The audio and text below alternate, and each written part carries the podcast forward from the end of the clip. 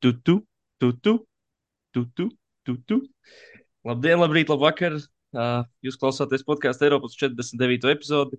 Uh, tikko pašā sākumā es ļoti neveikli centos atdarināt uh, FIBAS uh, to pirmsspēļu mūziku, jo uh, visticamāk, ka pirms šī podkāstu iznākšanas jūs iespējams jau būsiet redzējuši vai noklausījušies uh, mūsu neveiklo uh, on the spot uh, kvalifikācijas skatīšanos un, un tādu īsu analīzi. Tā kā šoreiz, laikam, par, par Latvijas izlasi netik ļoti, uh, bet jā, par, par visu no sākuma. Mans vārds ir Kristians Zilants, nekas nav mainījies. Un ar mani kopā arī uh, partneri, kuri nav mainījušies - Norberts Strautiņš un Valsts Nikītins. Čau, vīri! Čau! Čau, čau. Šajā epizodē, tad, uh, kā jau solījām, uh, ilgi gaidītais, gribētu ticēt. Uh, Eirolandes aizsargu tops, un kā vienojāmies, tad šoreiz desmit labākie aizsargi, gan pirmie, gan otrie numuri kopā. Uh, un, protams, arī nedaudz par Eirolandes aizvadīto kārtu. Uh, jā, bet uh, pirms mēs ķeramies uh, klāt, tad šoreiz uh, neturēsim sveici zem pūra un, un sāksim ar aizsargu topu. Uh, Tīri tā, lai neatstātu labākos beigām. Bet man jums ir viens jautājums uh, pirms uh, paša, pirms pa, ķeramies klāt Eirolandes lietām. Tātad, uh, kā mēs zinām, Jānis Tīms šobrīd ir atkal bez kluba. Un esmu padzirdējis tādu informāciju, ka uh, Rīgas VF, Latvijas čempionu vienība basketbolā, izskata opcijas viņu piesaistīt uz divām atlikušajām čempionu līgas spēlēm. Šodien ir uh, pirmdienas vakars, nākamā čempionu līgas spēle, uh, ieraksts brīdī ir pirmdienas vakars. Nākamā čempionu līgas spēle ir uh, nākamā, nevis tajā otrdienā, kas būs rīt, bet vēl pēc nedēļas, uh, 5. decembris, tas laikam sanāk mājās pret Tenerife. Uh, laiks ir ļoti īsts, tur jārīkojas ātri. Es pieļauju, ka uh, līdz, līdz manām ausīm šī informācija vēl nav nonākusi, bet es pieļauju, ka kaut kāds lēmums jau ir izdarīts šajā sakarā. Uh, Jānis Tīms saka, jā vai nē, uh, cik tas izmaksātu un, un, jā, un, un vai, vai Jānis vispār kaut ko tādu parakstītos. Un tas, principā, kopā ar to pirmo jautājumu. Es domāju, ka Jānis Tīms saka, nē, tas ir galvenokārt. Es nezinu, man liekas, tas viņam uh, viņam ego, es domāju, nostrādās. Es domāju, ka viņš kā spēlētājs ļoti iespējams uzskatītu, ka atgriešanās VFā nozīmē, principā, es nezinu, karjeras beigas, ka viss ir slikti. Ka liela tā arī ir, bet es domāju, ka viņš to īsti negrib atzīt, ka tomēr, ka ir viss diezgan slikti. Bet, bet es ļoti, ļoti šaubos, ka viņš parakstīs. Bet, ja viņš parakstītu, es domāju, ka tas priekš VF būtu diezgan ok arī pat uz šīm divām spēlēm bet, bet es, jā, es to neredzu noteikami. Nu, jāpiemina, ka tajās divās spēlēs ir, ir izredzes paturpināt sezonu. Es pat gribētu teikt, ka ņemot vērā vispār tās dažas faktus, gan, gan finansiālas problēmas, gan citas problēmas iekšienē, par kurām dzirdēts, tad šīs izredzes varbūt pat nav tik mazas, kā, kā šķiet uz papīra. Bet kāpēc es domāju, ka Jānis Tīma Es tam neticu, jo ir, manuprāt, pārāk maz laika tam visam. Es nezinu, viņš jau ir atgriezies Miami vai, vai kaut kur citur. Es pieļauju, ka viņš nav iespējams Eiropā šobrīd. Uh, problēma tāda, ka ir pārāk maz laika, lai šo, manuprāt, pārāk maz laika, lai šo visu norganizētu. Un otra lieta ir tāda, kāpēc viņš, manuprāt, varētu teikt, jā, ir tas, ka uh, es uzskatu, ka tas viņa posms Daruša fakā Es gribētu domāt, iespējams, varbūt atvēra acis kaut kādiem Latvijas basketbola līdzekļiem, kur viņi redzēja, kā stabilu izlases dalībnieku. Nu, uh, diemžēl Jānis vairs nerāda to, ko viņš rādīja pirms pāris gadiem. Es domāju, ka no, no tā viņa snieguma dažu fakā tur nekas neliecina, ka nekas neliecināja, ka viņam vajadzētu spērt soli augšup līmeņa ziņā, kas šajā gadījumā nozīmētu komandu, kas uz papīra ir vājāka par dažu faku. Uh, tas gan var būt spēcīgāks čempionāts nekā Latvijas-Igaunijas līga, bet, uh, ja, viņam, ja viņš, piemēram, notic uh, treneru aicinājumam un pievienojas VFM uz šīm divām spēlēm, viņš var pagarināt čempionu līgas sezonu. Viņš var, uh, es domāju, vākt krietni labāku statistiku, jo viņam būtu lielāka loma. Un tādā veidā varbūt atgriezt savu karjeru. Jo man, ja godīgi, liekas, ka, ka tā ideja par spēlēšanu divām spēlēm Champions League, tāpat varbūt viņam neliktos tik slikti, cik vairāk tas, ka, ka viņam būtu jāspēlē Latvijas-Igaunijas līgas spēles. Tas, nu, tas ir minējums, protams, no manas puses, bet es domāju, ka viņš tai līgai pārāk daudz neseko un, un iespējams ar tādu šķību acis raugās līmeņa ziņā. Droši vien, bet ir īstenībā daudz lietas, kurām es varētu pieskarties. Viens ir, ka Jānis nesen iemeta 28 punktus, kas īstenībā kas ir. Nē, tas, jā, Jā, Es, es. Sorry, es, es gribu iejaukties pa vidu, lai nav tā, ka, te ir tikai Jānis Tims Slenders, kas viņu pilnībā norakst. Uh, viņam ir joprojām šis te potenciāls, uh, kā viņš parādīja, 28 punktus iemest uh, Turcijas čempionātā. Tas nav viegli, bet uh, viņš to nevar. Uh, man, kā, tas viņa posms daršu fakā neliecināja par to, ka viņš to var darīt regulāri. Un, un tīri tāpēc, manuprāt, iespējams, tāda VF platforma divās un, un iespējams pat vairāk spēlēs Champions League būtu pat labāk pie tā šobrīdējās situācijas.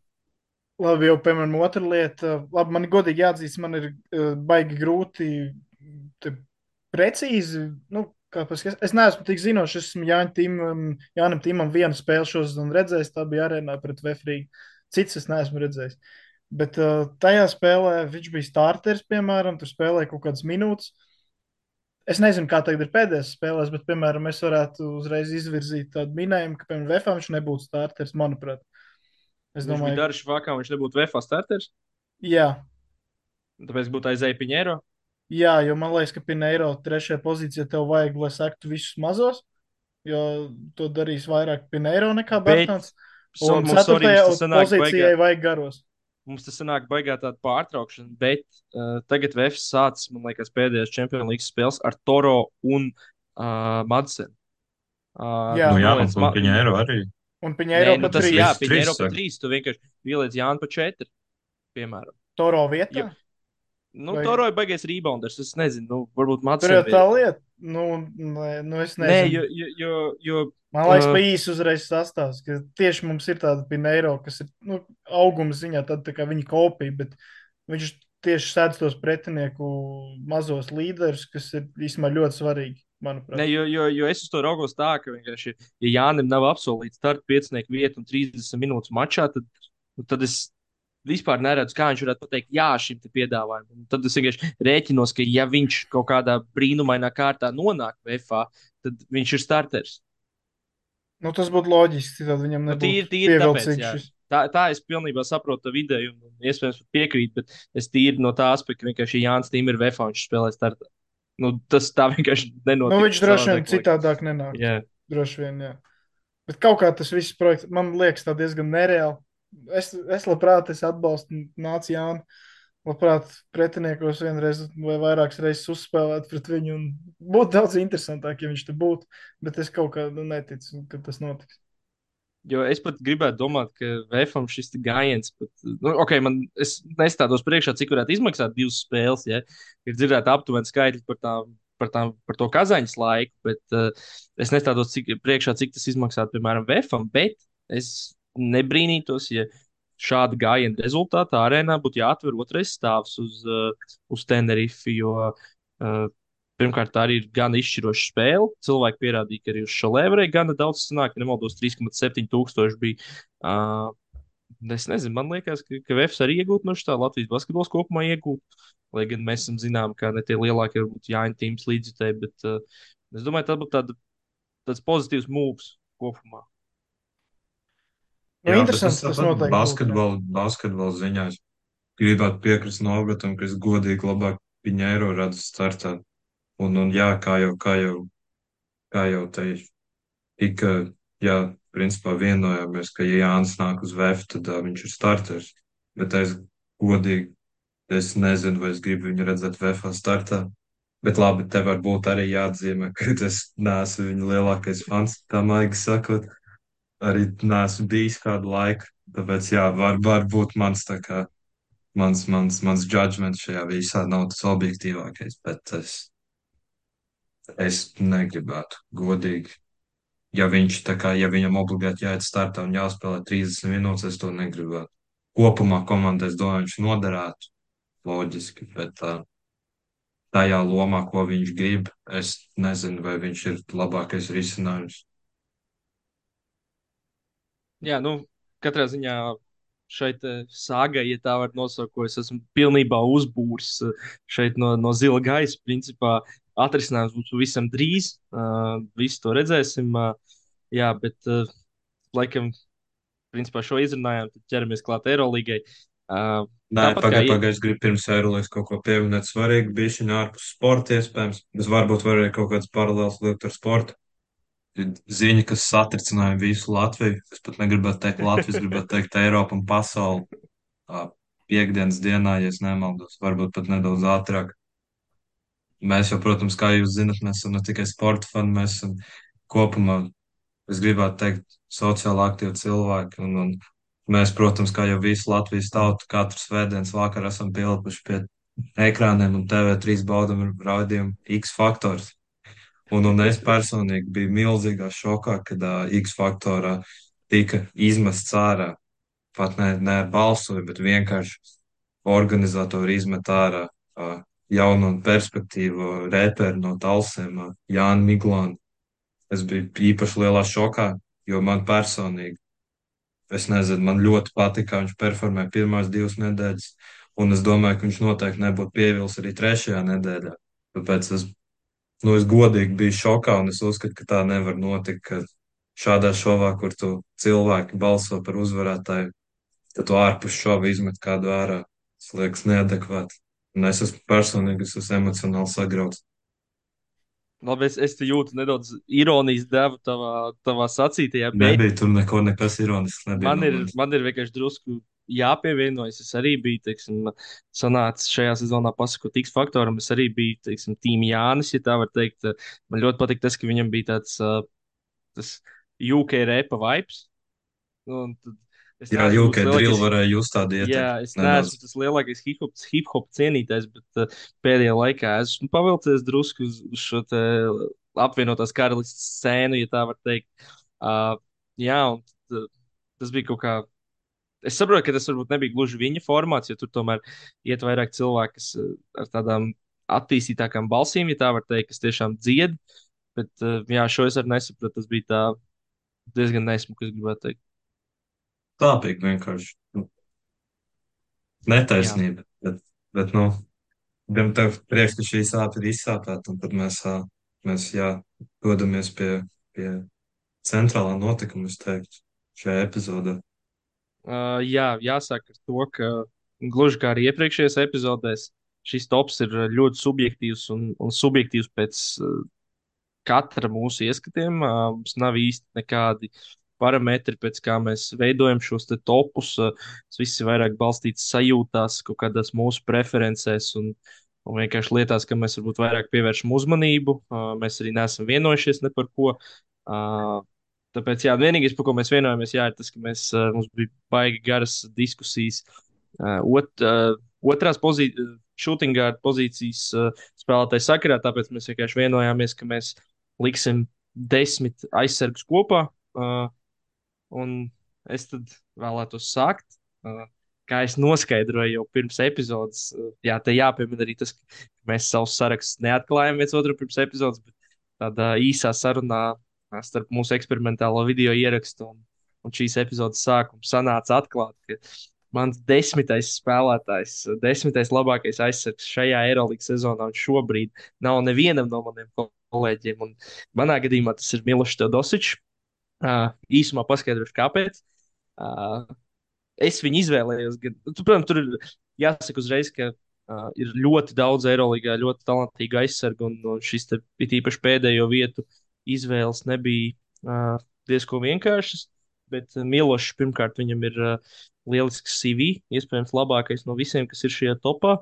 Uh, viņš ir uh, leģenda, viņš ir uh, spēlētājs, kurš uh, var tavu komandu gan pacelt nebijušos augstumos, gan šobrīd īpaši arī nolaist uh, padibenī, bet uh, tas ir tas, es gribētu teikt, viņa šarms. Uh, tas, ka tu nekad nezini, ko tu dabūsi. Šeit, te laikam var attiecināt to uh, Foresta Gampa citātu ka, no filmas, ka dzīve ir kā konfekšu kāra, bet tu, tu nekad, tu nekad ne, pirms atvēršanas nekad nezini, kāds būs tās pildījums tur iekšā. Ar Milošu laikam ir līdzīgi. Tu, tu nezini, kāds Milošs būs ieradies, vai tas būs uh, Milošs, kurš ir uh, tikko pirms spēles uzpīpējis pāris cigaretes, un viņam pēc trīs minūtēm jau sit ciet. Vai arī tas ir Milošs, kurš ir, ir motivēts un, uh, un spēj ievadīt uh, no nekā uztaisīt ātru uzbrukumu, apgādāt pretinieks un likt uh, visai zālē sajūsmas noelsties. Uh, jāsaka arī tā, ka viņš ir. Es gri- gribētu teikt, ka Uh, ok, tur uz augšu būs vēl viens cits džeks, kuram ir, uh, ir pārliecība, bet viņš to pārliecību izpauž bieži vien verbāli. Uh, Milošs ir vienkārši tas džeks, kuram tā pārliecība arī ir, manuprāt, vienkārši nebijušos augstumos. Un kopumā es gribētu teikt, ka viņš ir viens no labākajiem tādiem spēles apgriezējiem, kurš, uh, proti, tā var teikt, uh, izmainīt spēles gaitu. Viņš to ir pierādījis gan pagājušajā sezonā Boloņā, gan, uh, gan tagad ar Cervēnu zvezdu, ka komandai tur buksē uzbrukums, vēl kaut kas. Viņš, viņam pat nav jāizdara kaut kādas individuālas darbības, kas ir saistītas ar kaut kādu driblu izolācijas nospēlēšanu viens pret vienu. Viņš vienkārši var teicam nolasīt situāciju un kaut kādā grūtākā brīdī komandai atnest vieglus punktus, pabarojot partnerus. Jā, tas tā īsumā no manas laikam par Milošu. Desmitā vieta, mans desmitais labākais aizsargs šajā sezonā. Visam, ko tu teici, pilnībā piekrītu. Un, manuprāt, tā ļoti labi vienkārši. Un, nu, tā tiešām eleganti, diezgan perfekti noraksturoja visu par un ap Milošu Teodosiču. Jā, bet man jājautā, kāpēc viņš jums nav? Man, man viņš nav. Tas, ko teica, ka viņš, viņam, viņš ir viens no tiem, kam ļoti labas dienas mīs ar ļoti sliktām dienām, un viņš ir tas, kas var komandu vienā momentā pacelt, un viņš ir arī tas, kas var komandu tikpat veiksmīgi arī vienā momentā nogremdēt. Un, un varbūt tas ir iespējams pagājušās sezonas virtus iespējā. Es nezinu.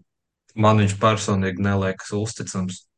Un es, es, vairāk savam topam piegāju ar tādu tā domu, ka sarendojot viņus tādā secībā, tad, ja es gribu, lai man komanda uzvar, kuras vislabāk grib redzēt savā komandā, un uh, Milošs, diemžēl, neiet gan, top 10. Es gan gribu piebilst, ka tā, manuprāt, ir tā, tā Miloša burvība, ko tu vienkārši ar, ar laiku iemācies iemīlēt, tu, tu viņam piedod tās kļūdas, jo uh, tās kļūdas un kaut kādas, nezinu, sasteigtās darbības, jo nu, tās tie highlights atsver pilnībā visu. Nu, es esmu diezgan pārliecināts, ka viņš ir uh, tāds acīm baudāmākais, baudāmākais spēlētājs uh, visā Eirolandā. Nu, viņš var uztaisīt highlight tiešām no nu, nekā.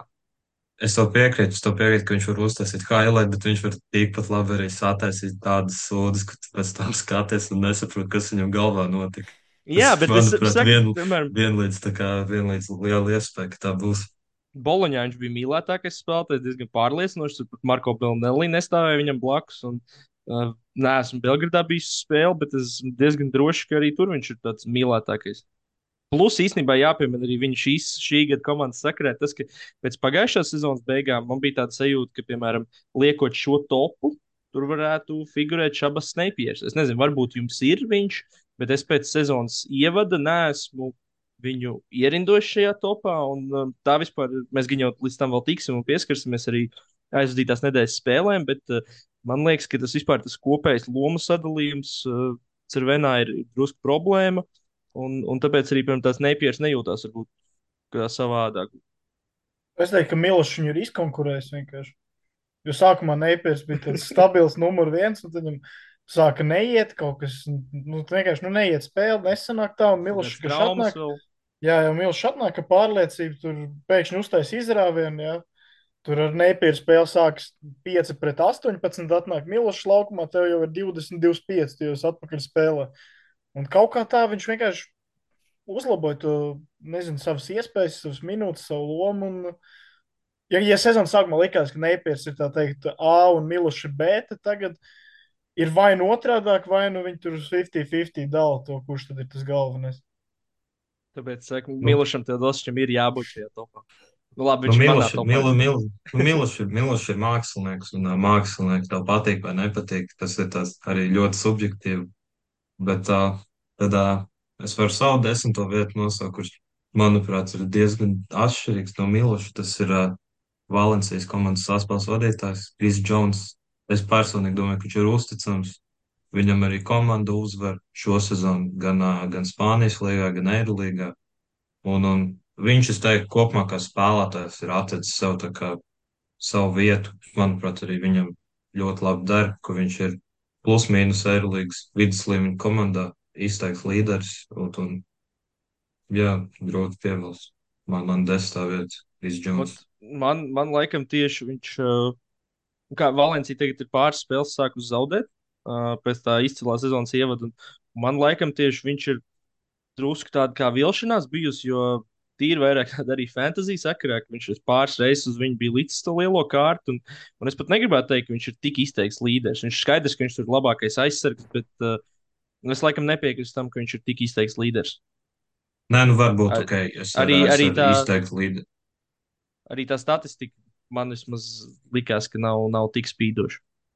Tas vairāk vienkārši pēc sajūtām, kad, kad es skatos viņa spēles. Man vismaz tā liekas, ka visi iet caur viņu. Liekas, jā, ka tā ir, ka tā ir Krisa. Jonas komanda, tāpēc nu, sajūtām ir vismaz. Tas, jā, tas ir, bet tas ir tīri tādā sajūta ziņā. Varbūt cipar to neapliecina. Es, es godīgi tik, tik dziļi neie, neie, neiegāju. Nē, man, man vienkārši, kāpēc man, man tāds viedoklis radies, jo, jo pēc tā, uh, pēc tā gada asvilā bija tā sajūta, ka viņš likās, ka viņš spēs ielausties ar tiem pašiem elitārākajiem aizsargiem, ka viņš būs vēl tomēr drusku augstāk šajā sarakstā. Bet, nu, jā, man viņš nav, piemēram, sarakstā, un tev arī, kā es saprotu, devītajā vietā. Man vienkārši, iep, varbūt tāpēc, ka viņš varbūt nav sasniedzis tās manas gaidas, jeb expectācijas, kas šis vārds vienkārši izklausās labāk, nozīmē vien tāpat. Uh, jā, varbūt tīri tāpēc es viņu tā vērtēju zemāk. Vienkārši man likās, ka viņam tie, tie griezti ir drusku augstāk. Jā, varbūt. Man... Bet tur viņš ir desmitais. Viņš nav top 5. Nu, jā, jā tāpēc es saku, man, man vienkārši un, manuprāt, tur, kur viņam jābūt. Ap... Nu, es domāju, viņš ir, kā jau teicu, pirms mēs sākam šo topu ievadu vārdos nelast. Tur ir ļoti sarežģīti, manuprāt, tos, kas ir ap tiem desmitiem. Jo, jo, kā mēs zinām, basketbols ir aizsargu spēle, un, un Eirolīga ir ļoti daudz labu tādu. Arī daudz tādu, jā, ko tu pirms, pirms, pirms šī ierakstu, ka tiek veidot topu diezgan daudz tādu, kas ir smagas, ir bija jāatstāj malā. Mm. Bet, jā, à, starp citu, Norbert... viņš arī pagājušajā sezonā bija principā par trīs punktiem rezultātīvāks nekā šo sezonu. Nu, pat divā, pat divā pusē. Nē, tas ir fakts, jā, bet nu, tīri tā viņš, viņš pat uh, viņš ir savu vidēju, karjeras vidējo rādītāju šobrīd aptuveni ap savu karjeras vidējo rādītāju spēlē. Vienkārši kā liekas, tā kā, nu, arī tā, tā Valencijas sezona iepriekšējā, Asvēl vēl pirms sezonas likās, ka viņš kā, turpinās kāpt, kāpt, kāpt. Pagaidām izskatās, ka tas nav tik, tik uh, viegli. Iespējams, ja griezt ir sasniegt. Nu, nu ne, ne pilnībā, bet nu tā, ka vai viņš var uzkāpt līdz tur top 3 aizsargam līgā, nu tagad tā neizskatās.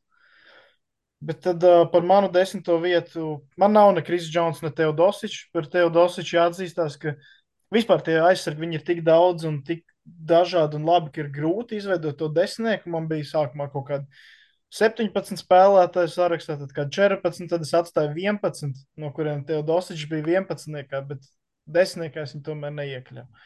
Tu tā kā Svetislavs Pesičs, viņš arī Pešičs, viņš viņu arī atstāja aiz izlases durvīm, to viņam bija jābeidz karjeru. Jā, pirmais ir strīps, jā. um, bet es jau, des, es mēģināju savu desmitnieku veidot no džekiem, kas manuprāt, vai nu kaut kādā mirklī ir bijuši vai ir uh, top komandas, top veči. Un kaut kā arī mēģināju skatīties to vēsturisko aspektu, un vai, manuprāt, viņi ir tā kā uzvarētāji, un ar viņiem var uzvarēt un tālu tikt kā komanda. Kaut kā tā es mēģināju skatīties, un uh, aiz tādas liels cieņas uh, par visu kaut ko paveikto Eirolandes visu laiku labāko piespēlētāju Niku Kalates, es ieliku desmitajā vietā. Es apzinos, ka šo sezonu viņam tur atsēda, un viņam neiet. Un... Bet tad, kad viņi izlaiž, starp citu, laukumā, viņš labas spēles nospēlē Feneram.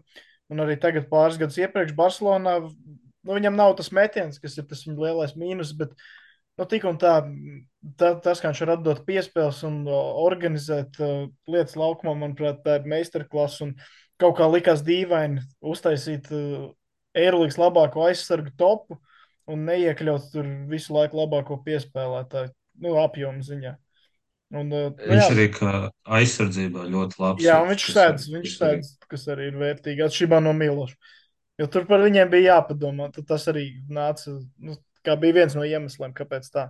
Tā kā jā, Niks Kalatis man ir desmitais. Nu, man tad laikam jāpapildina, ka man arī ka Latvijas bija, bija ļoti tuvu šim desmitniekam, bet es atkal pretēji no tevis, es principā tīri šīs sezonas dēļ viņu, viņu neiekļauju, jo tu pareizi saki visas uh, lietas. Nu, nu, ja mēs tā raugāmies, iespējams, uh, tādu all-time spēlētāju uh, sarakstā, nu, viņam tur būtu jābūt visticamāk. Jā, nu, tāpēc mēs, te ir interesanti, jo mēs katrs tā kā bišķiņ citas tās metrikas un tā, jo tā es piekrītu šo sezonu, gan Teodosičs, gan Jones spēlē labāk nekā Kalatas. Bet es kaut kā iedevu to vēstures dēļ. jā. Kalatas arī, arī kopumā var viņu, ko iepriekš es esmu pieminējis, topas cilvēciskās kvalitātes. Manuprāt, šī tā sezona pat parāda viņu ļoti labā gaismā, jo, jo mēs atceramies, kas bija runājām, tā, kad Žagars parakstīja ar Fenerbakšu to, ka ar Kalatas komandu nerēķinājās. Viņš arī Eirolīgā vispār nespēlēja. Pirmās, es neatceros, cik spēlēja, bet viņš sākumā vispār nespēlēja. Bet, bet tā arī, jā, neliekas, ka problēmas ar ķermeņa valodu vai kaut ko tādu. Un, un viņš ļoti veselīgi ar visu uztvērs. Un tas ir, manuprāt, par viņu kā, kā cilvēku komandas biedru runā labas lietas. Un plus vēl arī, tā, kad uh, es viņam gribu iedot bonus punktus, jo mēs kā latvieši ļoti labi atceramies, tā, kad viņš bija Barcelonā. Kāds Rolands Šmīts lika dankus no viņa piespēlē, lika mums visiem priecāties regulāri. Un uh, tagad, tagad Rolandam nav tāda komandas biedra, diemžēl.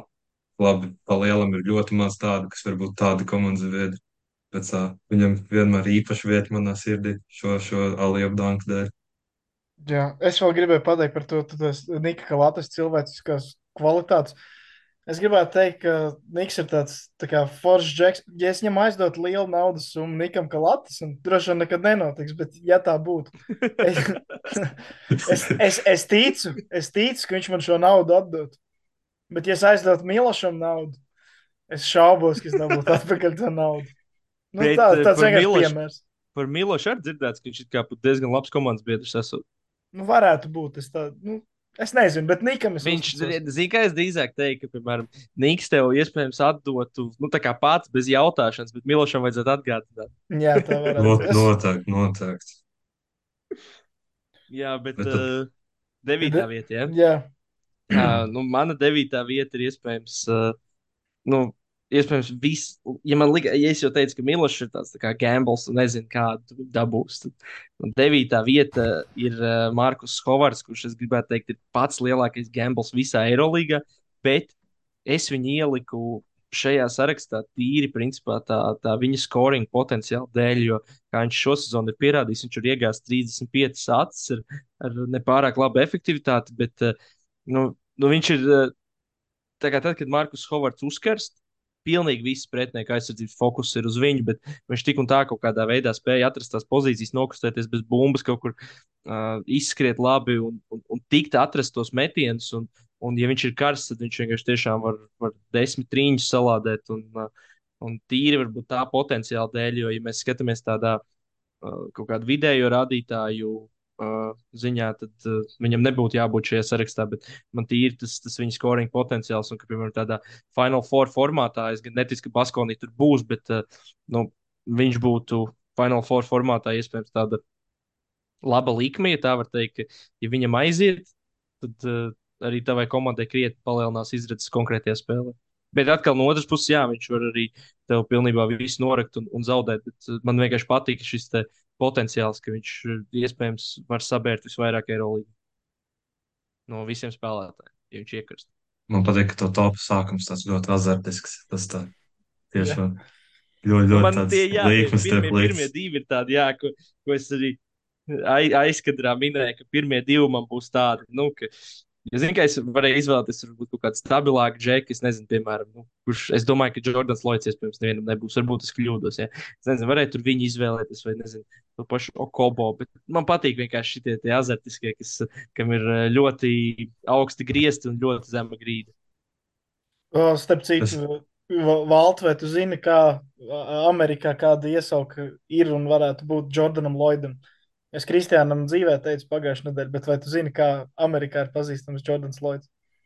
Ne, nebūs informācija, diemžēl. Viņiem, viņi iesauka ir uh, The Random Guy in a Suit. Un tas ir pateicoties tam, ka uh, Toronto. Philadelphijas Game 7, tad, kad Kavajs iemet Game Winner un uh, Joels Embiids raudāja, tad tur visur fonā bija uh, uzvalkā tāda glītā, uzvalkā labi saģērbies Jordans Lloyds. Un viņš vienkārši stāvēja fonā un bija tāda tā kā dekorācija. Un, jo viņš laikam bija Toronto komandā un viņš ir NBA čempions. Ja mēs NBA čempionus, mums laikam nav nevienam topā. Bet uh, jā, tā viņš ieguva iesauku random gājienu siltu. Šo es vēl meklēju, informāciju topam un skatoties, kurš ko ir paveicis dzīvē. Tas tas, ko es uzzināju par Jordanu Lloydu, un tad pieņēmu lēmumu viņu neiekļaut topā. Jā, um, tad uh, pie, jā, devītās vietas ir Kristians savu nosaucis. Un, un mana devītā, viens no kungiem, ko es īstenot ļoti smagu sirdi ieliku tikai devīto, manuprāt, viņš varētu būt augstāk, bet, diemžēl, viņš ir tur, kur viņš ir. Tas ir uh, Jonans Mūsu uh, no Madrides Karaliskā kluba. Viņš arī, es teiktu, arī elites līmeņa skorers. Pat ne tā, kad viņam aiziet, viņš diezgan regulāri, tas regulāri to labi dara. Viņš to labi darīs jau no jaunības. Es nemaldos pie gadu vecākiem, mūsu 16 čempionātā Latvijā bija rezultātīvākais spēlētājs, kur ar vienu no labākajiem caurgaidiem visā Eiropā, manuprāt, lieliska Eirosoli, bet, bet tā plus vēl tikai 23 gadi, tāpēc domāju, ka viņš vēl noteikti nav savus griezus sasniedzis, bet kāpēc man viņš ir tikai 9. ir man, diemžēl, pagājušā gada playoff viņa te nomet, jo viņš, manuprāt, lielās spēlēs īsti sev ne, ne, neparādīja, ne Eirolīgas sērijā pret Partizānu, ne arī Final Four, un, un tas, man liekas, viņ, viņš, viņa sniegums bija kaut kādā mērā vainojams pie tā, ka 38 gadus vecam Fernandesam un tad 35, 36 gadus vecam Juļam un uh, Serhiju Rodrīgasam bija jāgal, jāglāb dzimteni, jo viņš kā komandas līderis, diemžēl, ne, vai netika galā ar, galā ar spiedienu, vai arī vienkārši tika izskaidrots pārāk labi. Bet, bet viņam noteikti vēl vieta izaugsmē, jo viņš arī, ja es nejaucu, no manu top ir stabili jaunākais. Un, Bet, jā. bet, ja tu tā no otras puses paskaties, ka tie trīs džeki, kurus nosauc, nu, nu, kā mēs jau simts, reiz, simts un vienu reizi esam runājuši, nu, viņi ir dzimuši uzvarētāji. Viņi, tas ir vienkārši viņu dabā tajos brīžos parādīties. Un, viens ir tas, ka mūsu tika iespējams izskaitļots un, un izskautots un, un arī labi ierobežots, bet nu, tev uzrādās, tev atnāk tie džeki, viņi, viņiem beidzot tas šovs ir sācies, viņi beidzot var sev parādīt. Nu, tev pat varbūt nav, nav tik liela iemesla izmantot to mūsu. Nu, tas ir, tas ir tas, tā ir tā Madrids reāla burvība, tā, tā plašā rotācija. Pasties, piemēram, Geršons Jabusel, jebkurā citā komandā, es ticamāk, ka tā, lī, tāda līmeņa spēlētājs, kā viņš būtu izkritis, vai Gabija Deiks, un tev uzreiz būtu milzīgs problēmas. Bet šie džeki paņem un uzvar piecas spēles pēc kārtas un paņem Eirolīgu. Nu, tā taisnība, tā viss taisnība. Es vienkārši šis tiešām, es vairāk, jā, savu topu veidoju pēc tādas domas, ka, ja man vajag tagad uzvarēt, tad ko es ņemu savā komandā. Un uh, viņš, manuprāt, jā, sevi neparādīja no tās labākās Bet, puses. bet, bet man ir jautājums, es nezinu vienkārši, vai tā bija. Uh, vai nebija tā, ka tad, kad viņš dabūja uh, Breogana rindās uh, ACB MVP, vai viņš neievilka viņas plēfos? Skaidrs, ka viņi bija kaut kāda 7, 8 vieta, un tur ir maz variantu pret kādu no grandiem uzreiz, bet uh, tas man liekas, ir diezgan. Nu, tie, nu, tā kā ievilkt plēfos, tie nav plēfofi, bet tajā 21 vai 22 gados, cik viņam bija, nu, tas ir tāpat iespaidīgi, manuprāt. Es godīgi neatceros, vai viņi bija plēfos. Man liekas, ka viņi bija karaļa kausā tika. Tas nozīmē, ka viņi tajā brīdī bija astotniekā, ja es tagad neko nejaucu. Bet par plēfiem es godīgi neesmu tik drošs, Tā, labi, viņi es, tika vai netika. varam runāt tālāk, es tūlīt nočikošu. Tas bija pirms divām sezonām. Ne, Noču. kvalitātes tur, protams, ir, tur viss kārtībā. tīri es vienkārši domāju, vai tā bija. tā ļoti reāli varētu būt. Tā, tā bija. Un, Tā bija 21. un 22. gada sezona, vai ne? Jā, jā, Um, ā, nu viņi palika tieši viens uzvaras attālumā no plēsoņiem. Bet, nu, labi, respektīvi, līdz februārim viņi, ne, vai kad, kad kaut kurā kārtā beidzās tā ieskaita, nu, kaut kādā janvārī viņi vēl bija plēsoņos. Vienu uzvaru līdz plēsoņiem, jā. Nē, nu, kvalitātes nav, nav tik ir viss, ka gudrs. viss, ka- jā, viss kārtībā. Es vienkārši, man viņš patīk. Es arī ceru, ka viņš pagarinās līgumu, bet tā, diemžēl šeit, šeit viņam devītā vieta. Kad, Bet, ui, kad nav. sorry, vai mēs aizplūstam, jā, bet, uh, bet uh, līguma pagarināšanas sakarā, vai to nešķiet, ka viņš varētu mēģināt sevi atkal NBA, jo viņš tomēr ir gana jauns un, un arī, man liekas, tas stils vienkārši kādā viņš spēlē. Nu, nu, kā mēs zinām, NBA ir vienkārši par, par vietu un par iespēju, principā. Nu, talants viņam jau simtprocentīgi pietiek, lai tu spēlētu. Man liekas, liekas arī tas spēles stils viņam piestāvētu.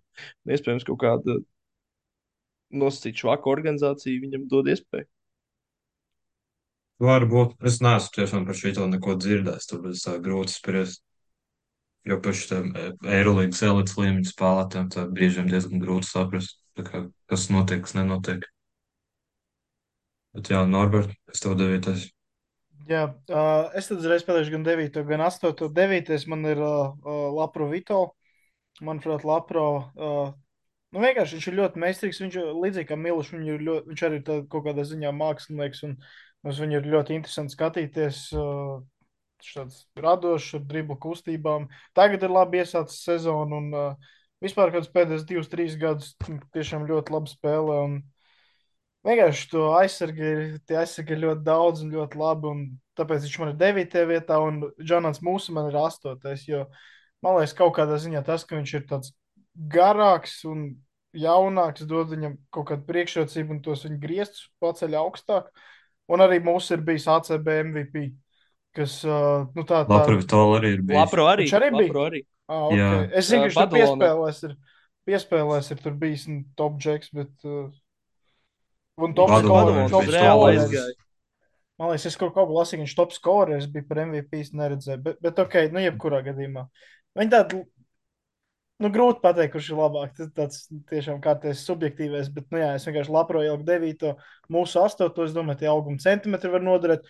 Un mūsu ir, lai gan viņam tā loma nebija tik liela, bet viņš ir Eirolandes čempions, kas man vispār šitajā top 10 būs diezgan svarīga lieta, uz ko es raudzījos. Vēlāk redzēsim, kāpēc. Ok, Kas, interesanti. kas jums ir astotajās vietās? Mans astotais ir uh, Kīnans Evans. Uh, kāpēc? Uh, kāpēc varbūt tikai astotais? Jo es ticu, ka iespējams jums varētu viņš būt arī augstāk. Uh, man jāsaka uzreiz, ka man laikam no, no šobrīdējā, no šobrīdējiem standingiem vispārējie, izņemot vienu džeku, kas ir virs Evans, spēlē labākās komandās. Uh, kas arī, teiksim, ilgtermiņā visticamāk ir bijušas labākas. Bet Evans ir tādā, nu, teiksim, uz žāģi skatos kā tāda komanda, kas ir uz, uz, uz izslēgšanas spēju robežas. Nu, tas ir kaut kāds plēņu turnīrs, kaut kādā varbūt pie liels veiksmes, ses, sestā vieta. Bet, kāpēc viņš man ir vispār šajā sarakstā? Tas, ka uh, pretēji varbūt citiem aizsargiem viņš ir kā ļoti izteikta 1A, 1B opcija Žalgiris komandā. Uh, te vēl arī es vismaz ņēmu vērā to, ka pagājušā sezonā uh, Žalgiris ar viņu spēlēja ļoti labi. Viņš pagājušā sezonā bija, manuprāt, pat, pat vēl drusku labāks, bet šobrīd ir vairāk izkristalizējies. Tas vienkārši, ka viņš ir tā, nu, viņš arī iepriekš bija tā pirmā opcija, bet tur vēl bija, teiksim, Lānos mēdz vairāk uzņemties, un Rols varbūt bija, bija mazāk pamanāms nekā šajā sezonā. Tāpat pamanāms, bet vienkārši netik ļoti. Un tad šobrīd es teiktu, ka viņš ir Baltijas labākajā basketbola komandā, 1A, 1B kopā ar Roli. Tie citi aizsargi varbūt nav tik izteikti. Viņiem nevis varbūt nav tik izteikti, bet viņiem vienkārši ir labāki partneri. Tas jā, bet uh, es varu pateikt, es tagad, nu, es Kīna nevans neiekļauju topā. Un uh, es teiktu, ka ir vairāk kā desmit spēlētāji, kas, ja tu viņus apmaini vietām, uh, jeb, jebkurš, nu, vairāk ir 11 Eirolandes uh, aizsarga pozīcijas spēlētāji, kurus tu ieliktu žāģirī, un viņi arī būtu viens A žāģiris spēlētāji. Un kaut kādā ziņā man liekas, ka Kīnans Evans dažos man, man viņš ļoti patīk, tāpēc man ir grūti to teikt. Bet uh, kaut kādos mačos man liekas, ka viņš ir šosezon tāds tā kā atkosts. Un ka, ja kārtīgi viņam sagatavojas un uh, ļoti svarīgā mačā, man liekas, ka tas top komandas māca un mācīs viņu, diemžēl, kā, kaut kādā ziņā izslēgt no spēles. Un, uh, jā, manuprāt, cita aizsarga žēlgirī to pašu varētu darīt. Un Žēlgis pagājušo sezonu jau likās, ka tur Evans, un tāpēc viņiem labi iet, viņi arī bez Evans turpināja pēc tam labi spēlēt. Un kaut kā, jā, Ne, tas ir fakts, bet tur, bet, tur bija, bet tur bija drusku, piemēram, pēc Evans izkrišanas atceramies to bēdīgu slaveno puslaika Atēnās, piemēram, kur Gidraits viņš burtiski netika pār centram. Jā. Burtiski netika pār centram. Tā jaunas Es liks otrajā nepārspīlēju. Es redzēts. nepārspēlēju. Es nepārspēlēju. Viņš tiešām netika pār centram. Un vienkārši viņš ir, nu, tas pats, kas man, man būs arī septītā vieta, arī daudz maz jūs jau tur skaidrojāt, tās septītās vietas. Uh, kvalitātes pēc tam dzirdēsiet. Bet, uh, nu, viņš arī vienkārši ir principā, tās komandas tāds tā kā motoriņš. Un, un tīri tāpēc es balstījos te varbūt arī uz tādu kopējo komandas kaut kādu talantu. Et, bet es piekrītu, noteikti būtu arī vēl cita aizsardzība, kurus ieliktu viņa pozīcijā. Viņi būtu tikpat labi. Bet nu, šajā pozīcijā šobrīd ir viņš. Nu, Jā, tādā jā, jā. pozīcijā, kur viņš tā var spēlēt. es, es gribētu teikt, ka es kaut kādā ziņā piekrītu. Arī, bet es par to otru lietu domāju nedaudz, nedaudz citādi. To, ko tu teici, ka viņi iespējams labāk izskaitļotu, vai arī, jā, ka labās playoff, labās playoff komandas viņu apturētu. Man liekas, ka tur arī kaut kādu lomu pat spēlē nevis viņš individuāli kā spēlētājs, bet ja tev godīgi laukumā ir blakus Ārnus Butkevičus, tad tev principā var sekt divatā, varbūt trietā. Nu, tas ir, nu, tas tādā ziņā, es domāju, tas viss ir atkarīgs ļoti, tas ir viss ļoti atkarīgs no taviem partneriem, no visiem, kas tev ir, ko tu esi kopā laukumā. Un, un ir vieglāk izskaidrot, ja tev ir viens spēlētājs, nu, divi spēlētāji tādā komandā kā Žalgiris, vai ja tev pretī nāk kāda no top komandām, kur laukumā visi pieci ir Labi, es negribu teikt, ka Žalgirī visi nav labi basketbolisti. Teiksim, visi pieci nav elites basketbolisti, kas ir uz laukuma, tad tev krietni vieglāk arī viņu apturēt. Un uh, es varu pateikt, man Evans ir septītais, un tas varbūt kaut kādā ziņā arī tāpēc, ka man ir atmiņas vēl joprojām no iepriekšējās sezonas, jo līdz savai traumai viņš bija, es, ne, es no angļu valodas nāku prāts, prātā vārds elektrisks. Viņš bija, man liekas, tiešām elektrisks. Elektri, jā, Un, es piekrītu. un es arī labs. Arī atceros, kad mēs viņu, uh, mēs ar Norbertu, mēs viņu klātienē redzējām pret, uh, pret Bayern. Viņš tur bija 30 fantastisks. iedeva. Jā. Jā, viņš bija fantastisks. Un, un, tur valtis mums tev bija tās tā saucamās saules brilles uz acīm. Tā kā varbūt tas arī tā paspildināja to viņa performanci nedaudz. nu, to to sāku nevis es, es neko, neko, neko nezinu. Bet jā, tad Evans Man man ir septītais. Un, un astotajā vietā man ir uh, Veids Baldvins, kurš pats, ja es nemaldos, vienā no se- sezonas pirmajām nedēļām ziņoja, ka viņš ir labākais amerikānis Eirolīgā vai pat vai labākais aizsargs. Es neatceros, ko viņš precīzi teica, bet to, ka viņš kaut ko, ka viņš principā ir labākais līgas spēlētājs, es īsti nepiekrītu. Es, es domāju, ka viņš ir ļoti meistarīgs. Ja viņam aiziet ciet, tad viņš ir principā neapturams, fantastisks skorers. Plus vēl, jā, kāpēc viņi ielika, piemēram, virs mūsu, ir, jo es atceros pagājušajā gadā plēfos pret Monako, viņš bija lielisks. Bet, bet, jā, kāpēc viņš ir tikai astotais un nevis pirmais, kā viņš pats domā? Manuprāt, ja jūs paskatāties viņa procentus, viņš nekad nav bijis efektīvs. Arī pagājušajā gadā, kad viņam bija laba sezona, viņš īsti beig, beigās pastu, tie procenti nebija spīdoši, manuprāt. Un, un, nu jā, es pat nezinu, kā lai pasaktu. Viņš ir ļoti labs, bet, manuprāt, viņš nav tik labs, kā viņš domā, ka viņš ir.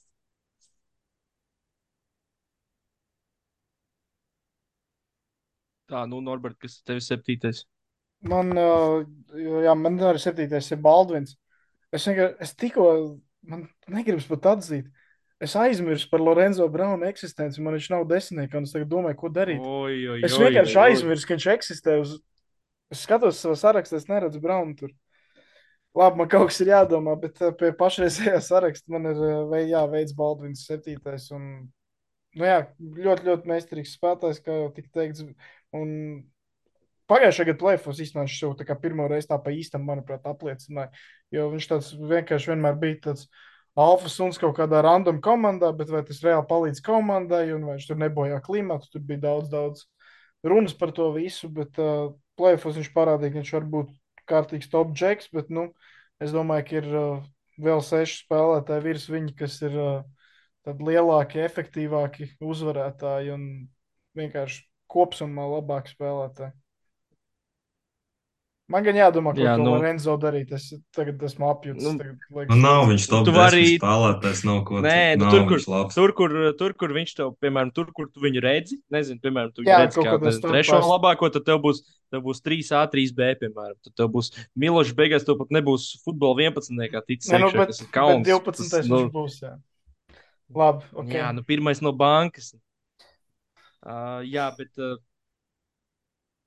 Jā, par, par Baldvinu es vēl, vēl pagūšu izteikties, jo viņš man ir uh, krietni augstāk. Bet uh, man septītais ir Niklaus Laprovtolijā, kā jau es teicu, Bārsas motors. Uh, ļoti labi spēlējis iepriekšējos gadus, ļoti labi sācis šo sezonu. Uh, ļoti meistarīgs, talantīgs spēlētājs. Nu, jūs jau principā to visu pateicāt. Un, un uh, es viņu ieliku kā septīto, arī balstoties tīri uz to, ka viņš ir otrās labākās komandas, labākais aizsargs. Tas ir tas, kā, kā es bieži vadījos, piemēram, ja nemaldos, man pilnīgi visos topos, visās pozīcijās līdz šim labākie, ne, izņemot spēku uzbrucēju, divniekā. Tur man ir viņš bijis trīniekā, laikam, tad gan centriem, gan, gan viegliem uzbrucējiem.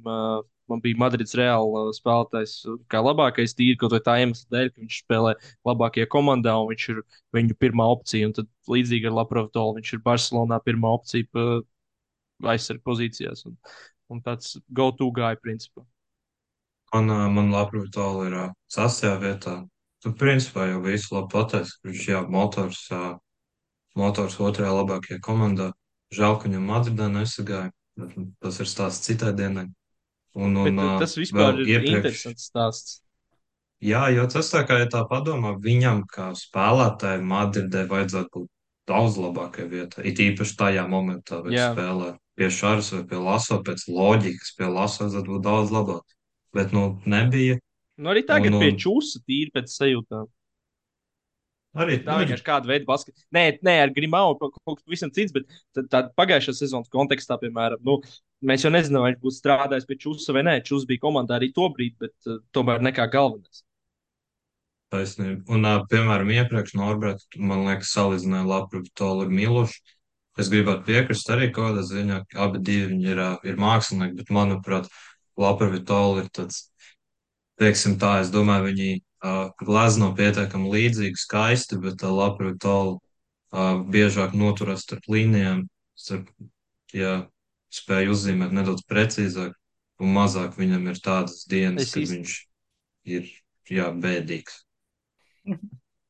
Es īstenībā gribētu teikt, ka, piemēram, tad, kad Latvijas Tols spēlēja pie Šāras, tad viņš bija tāds izteikts kubisma mākslinieks. Viņš tāds konkrēts formas ar tādiem, nu, tādiem rāmjiem, konkrētiem zīmēm, gleznoja. Tā, nu.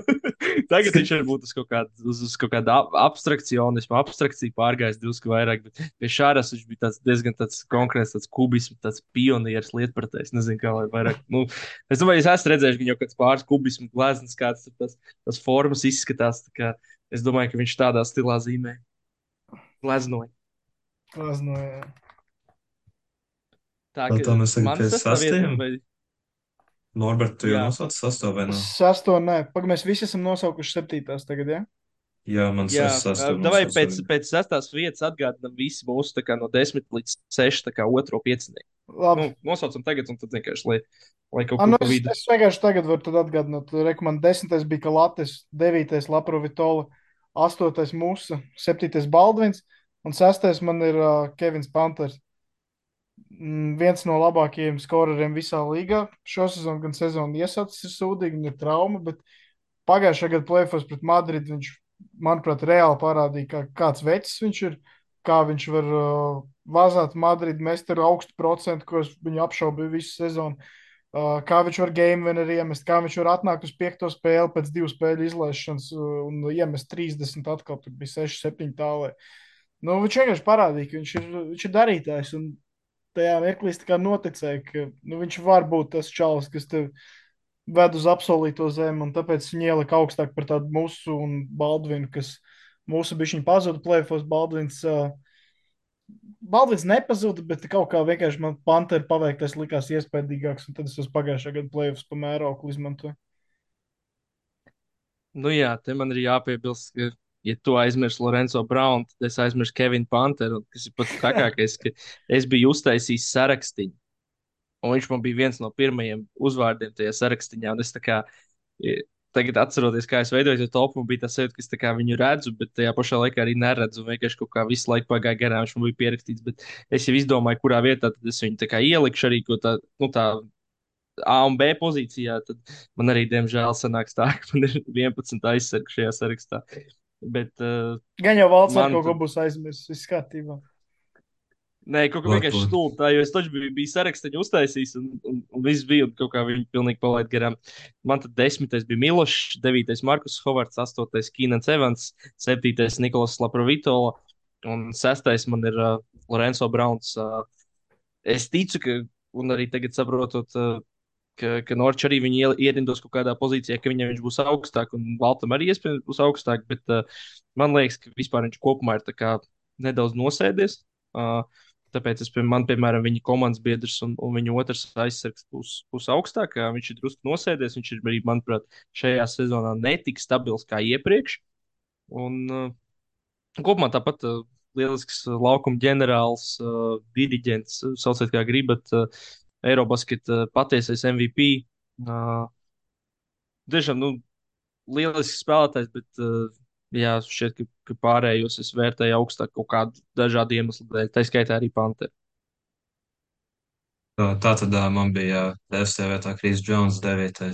Džonans Mūns, 8. Veids Baldvins, 4. ja nemaldos, 7. Kīnans Evans, 6. Lapri Tola, un tad siešu tālāk. Man 5. ir Svens Lārkins. Viņš ļoti svarīgi, ka viņš ir sev pierādījis kā uzvarētāju. Viņš ir uzvarējis divas reizes, kā mēs visi ļoti labi atceramies. Otrajā reizē aizmetu garām Palmetinu tieši kā vajadzēja, kā viņš pats teica. Visu laiku Eirolīgs. labākais netrāpītais metiens Eiropas vēsturē. Tieši tāds, tā, tāda metiena autors viņš bija. Mēs visi arī, visi arī atceramies, kur mēs bijām un ko mēs darījām, kad viņš pret Minhenes Bayern iebēra, es tagad neatceros, 49 punktus, man liekas. 49. 49 acis, jā. jā. Es jā, atceros, kur es biju, ko es darīju, bet to es neteikšu. es skatījos spēli, es vienkārši, neteikšu. Bet, nu, jā, bet tas ir viens, viens no tiem momentiem. Un, un, viņš ir lielisks, lielisks skorers. Ja es nemaldos, tagad Eirolandā apmaksātākais spēlētājs, es neko nejaucu. Brīnītu gadā, man tā liekas. Aleksis Šveits vairs nespēlē?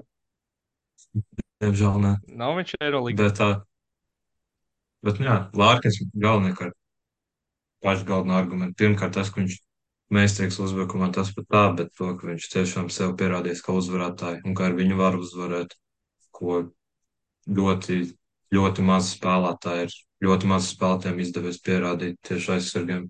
Tāpēc, jā, tāpēc man viņš ierindojas piektos. Es varu iestarpināt video, es aizmirsu vienu svarīgu lietu uh, Barcelonas sakarā, kad mēs par Laprovito runājām. Es, es gribēju pieminēt, uh, tas nav saistīts ar viņu, bet ar Barcelonas komandu. Es nezinu, vai jūs atceraties, bet uh, pirms kaut kāda, nu, ilgus gadus Barcelonā, diezgan salīdzinoši pasen, uh, man liekas, arī Baskonijā spēlēja tāds uh, aizsargs Brets Olisons. Ja nemaldos, viņš bija amerikānis, bet man pēc uzvārda, es nezinu, kāpēc, diezgan ilgi domāju, ka viņš ir Dānis. Bija maziņš un, un sekoja līdzi. Uh, Viņš bija metējis. Uh, es redzēju kaut kādu vecu highlight, nu, cik nu vecu, nezinu, 7, 8 gadus vecu highlight šonadēļ Twitterī. Uh, un tad man uzpeldēja šis Olisona Jersey's, un es uh, gribēju vienkārši iegūt, apskatīties, ko viņš tagad dara, vai viņš vēl spēlē, vai ko viņš ir beidzis karjeru. Bet pats interesantākais fakts, ko es atradu viņa Wikipēdijas lapā, tad viņš ir dzimis Aļaskā. Un uh, šī mazā pilsētiņa Aļaskā, kur viņš ir dzimis, katru gadu 24. aprīlī atzīmē Brad Olison Day. Kas, manuprāt, ir lielisks sasniegums. Tavā dzimtajā pilsētā ir diena, kas ir, ir nosaukta tavā vārdā. Tas īstenībā tādā ziņā ir ļoti interesanti, jo viņš jau kā amerikānis, ne viņš aizsniedzās līdz NBA. Uh, es nezinu, varbūt viņi nodraftēja, bet es šaubos. Uh, viņš kā spēlēja ļoti augstā līmenī Eiropā, bet lai tas kā atspoguļotos arī Amerikā. Tas ir tiešām ļoti iespaidīgi. Es teiktu, vispār vienkārši ļoti interesants fakts, ka kāda Eirolandes spēlētāja vārda, pat ne tā varbūt atmiņā paliekušākā vārda ir, ir diena, ko atzīmē viņa, jā, viņa pilsētā. Tas ir ļoti Novēl... off-topic, bet šito es, es atceros, man gribēju to iestiprināt kaut kur. Novēl visi, visiem cilvēkiem savā dzīvē kaut ko šādu sasniegt. Tas ir tiešām tas, ko es, tiešām dzīvē novēlu. Tas ir iespējīgāk. Es, šaubos, ka Rīgā piemēram, man, manā vārdā kādreiz svinēs dienu, bet tas ir kaut kas, uz ko vairs, mēs visi varam sniegties. Tiešām viss cien. Jā, pilnīgi, pilnīgi piekrīt. Jā, jā nu, atgriežamies pie, pie tām piektajām vietām. Ja? jā, Man, es tad likšu šeit 5A, Veids Baldvins, 5B, uh, Kevins Panters. Veids Baldvins, uh, jā, nav tie labākie procenti, uh, bet es, viņš, teiksim, manās acīs ir pilnībā izmainījis to kādu viedokli par sevi. Es arvien vairāk sāku redzēt to, kāpēc viņš ir nenormāli talantīgs un kāpēc viņš vispār tika izvēlēts NBA draftā uzreiz pēc loterijas. Ja nemaldos, 17. piks viņš bija uh, tāds samērā liels aizsargs, atletisks. Uh, Ļoti, ļoti daudzpusīgs, var, var principā visu izdarīt. Un, un es, jāsaka, es arī nedaudz pavilkos uh, uz to viņa paša tekstu, ka viņam ir tā pārliecība, ka viņš ir labākais. Jo, jo pagājušajā sezonā bija tas posms, kad Lorenzo Browns izlaida kaut kādas pāris nedēļas vai mēnešus. Un tad uh, viņš tieši tajā posmā bija ļoti iespaidīgs. Un, un jāsaka, arī tas, ka agrāk es viņu uztvēru jā, par tādu kā streetballistu. Es atcer, joprojām atceros, bija tie playoffs, ja nemaldos, Baskonī mauca sēriju pret uh, Coventu. Un tur viņš izcēlās ar ļoti tādām apšaubāmām darbībām galotnē. Arī Minhenē man viņš likās tāds interesants, bet, kad viņš atnāca uz Makabiju, viņš tā kā kaut kā manās acīs ļoti pacēla tās akcijas. Un, un vairāk varbūt arī tas, tas CV spēlē par labu, ka viņš tomēr ir tik augstu draftēts. Un uh, Kevins Panters, jā, principā tas viss, ko, ko Norberts iepriekš teica, nu, tāds, uh, tāds slepkavs, ja gribētu teikt. Ja tā var teikt. var, es domāju, atļausim šoreiz. Nu, valsts, kā Madrids Real fans, var objektīvi spriest, bija vai nebija. Tā Norvēģis to. Ah, es, es, es atceros, Valtu, kā mēs skatījāmies pirmo spēli Partizans uh, Reāls plēfos. Tu man sēdēji blakām un Kevins Panters met pāri Jabusēlu. Un, uh, nu jā, ir slepkavs tā Panters. Ir, ir. Nē, nu kā viņš tur, viņš tur bija burtiski slepkavs.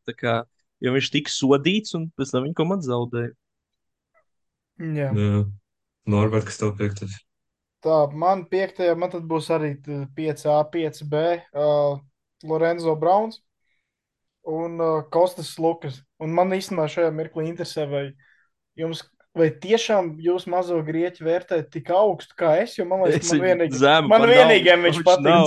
Es arī zemu Un tur ir vērtēju. tā Jo lieta, viņš nav. un jums viņš nav 35 desmitniekā. gadi.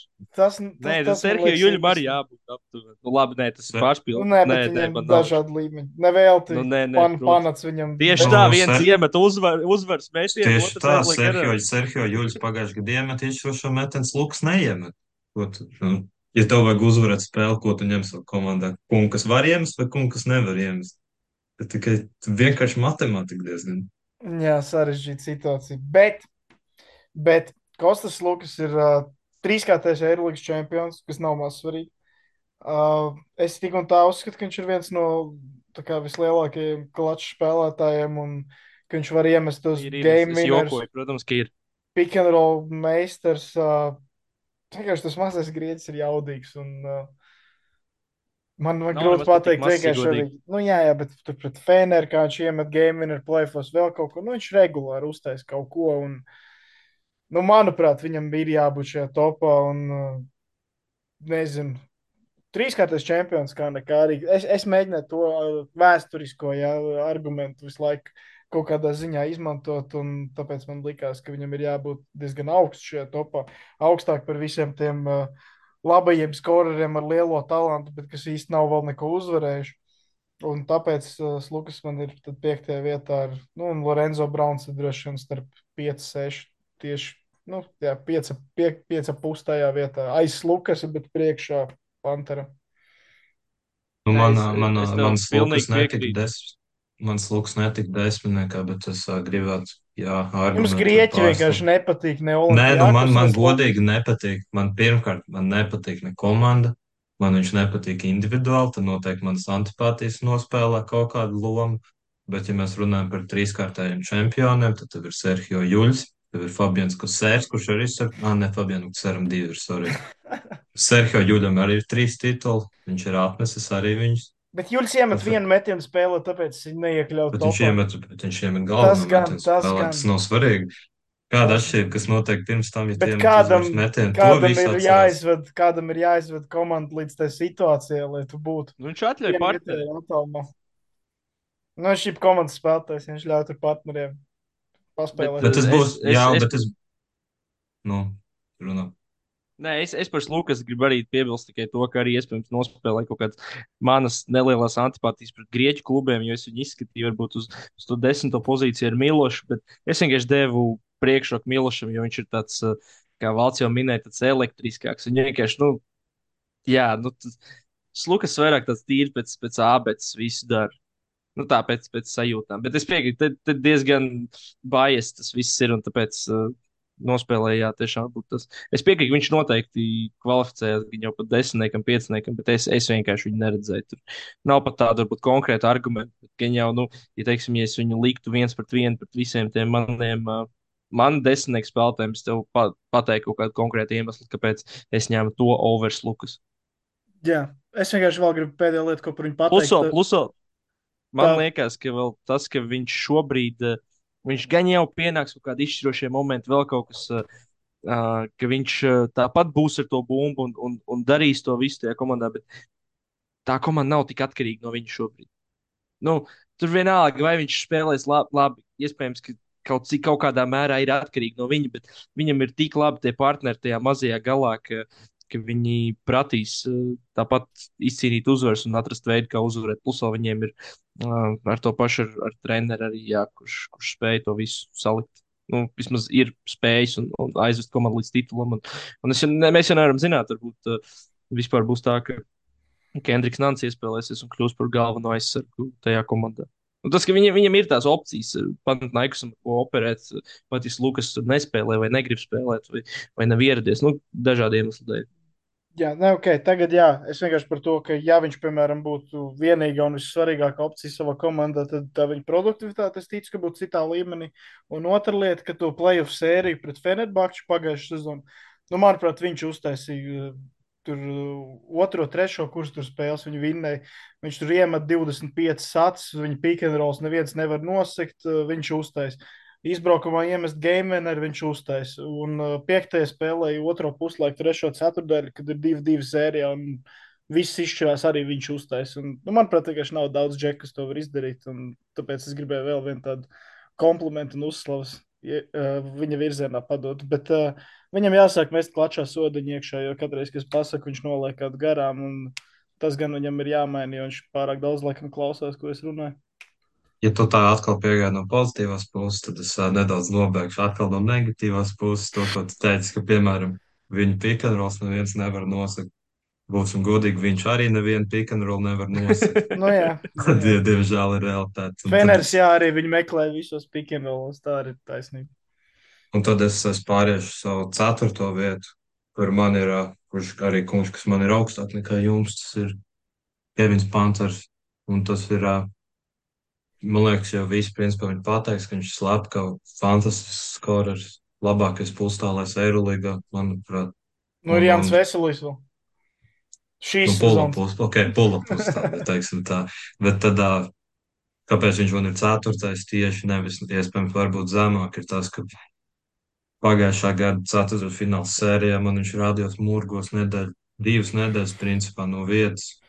Un, un tas bija tā ļoti, ļoti sāpīgs posms. Un es, viņš bija tiešām fantastisks tajā sērijā. Visas spēles, ko viņš spēlēja, man liekas, ka viņam bija maz, labi, viņš nospēlēja trīs. Bet maz rezultātīvākā spēle bija, es naudos, ko 23 punkti, ja es tagad neko nejaucu. Plus vēl jā, game winner pirmajā spēlē, 30 punkti piektajā spēlē, kas arī ļoti svarīgi. Un, un tagad, jā, tikai komandai viņu vajadzēja, viņš bija top līmenī. Un, ja kopumā paši, ko viņa statistika, visus vispār iepriekšējos gadus, ja mēs neskaitām to posmu, kas viņam bija sākumā, tās, man liekas, nebija daudz spēles Olimpijākos. Pēc tam visur, kur viņš spēlēs Eirolīgās, vai tā bija Cervena Zvezda, vai arī Milāna vai Partizāna, viņš visur met 15 punktus, visur bija konstanti labs. Un, un elites līmeņa spēlētājs. Tāpēc man viņš piektais, atvainojos, ceturtais.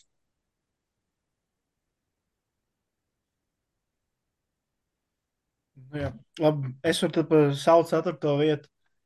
Man kaut kā liekas, ka līdzīgi kā Lukas, ka šis džeks jums arī varbūt ka nebūs. Uh, man ceturtajā vietā ir Nando de Colo. Dažādu iemeslu dēļ. nav, nav. Jums nav desmitniekā? Nu, viņš ir nosēdies. Es saku, nu, tur, ba- tad ir baigi, nu, teiksim, vēsturiski, nu, jā, viņš būtu, bet uh, es uzskatu, ka viņš ir nosēdies un viņš spēlē top 2 sliktākajā komandā. Nu, tā kā, ja mēs salīdzinām to, kāds viņš bija tiešām pirms pāris gadiem, tas tāpat nav baigā viņa vaina. Viņš ir, uh, es pat drīzāk brīnos, kāpēc viņš ir augstāk par Lukas šobrīd. Nu, es domāju, Lukas sasverlā lielāks cipars lika galdā. Pēc tās tavas loģikas ejot. Jā, nu man te ir, ir ā, viena nianse, ar ko Dekolo šajā visā sarakstā izceļas.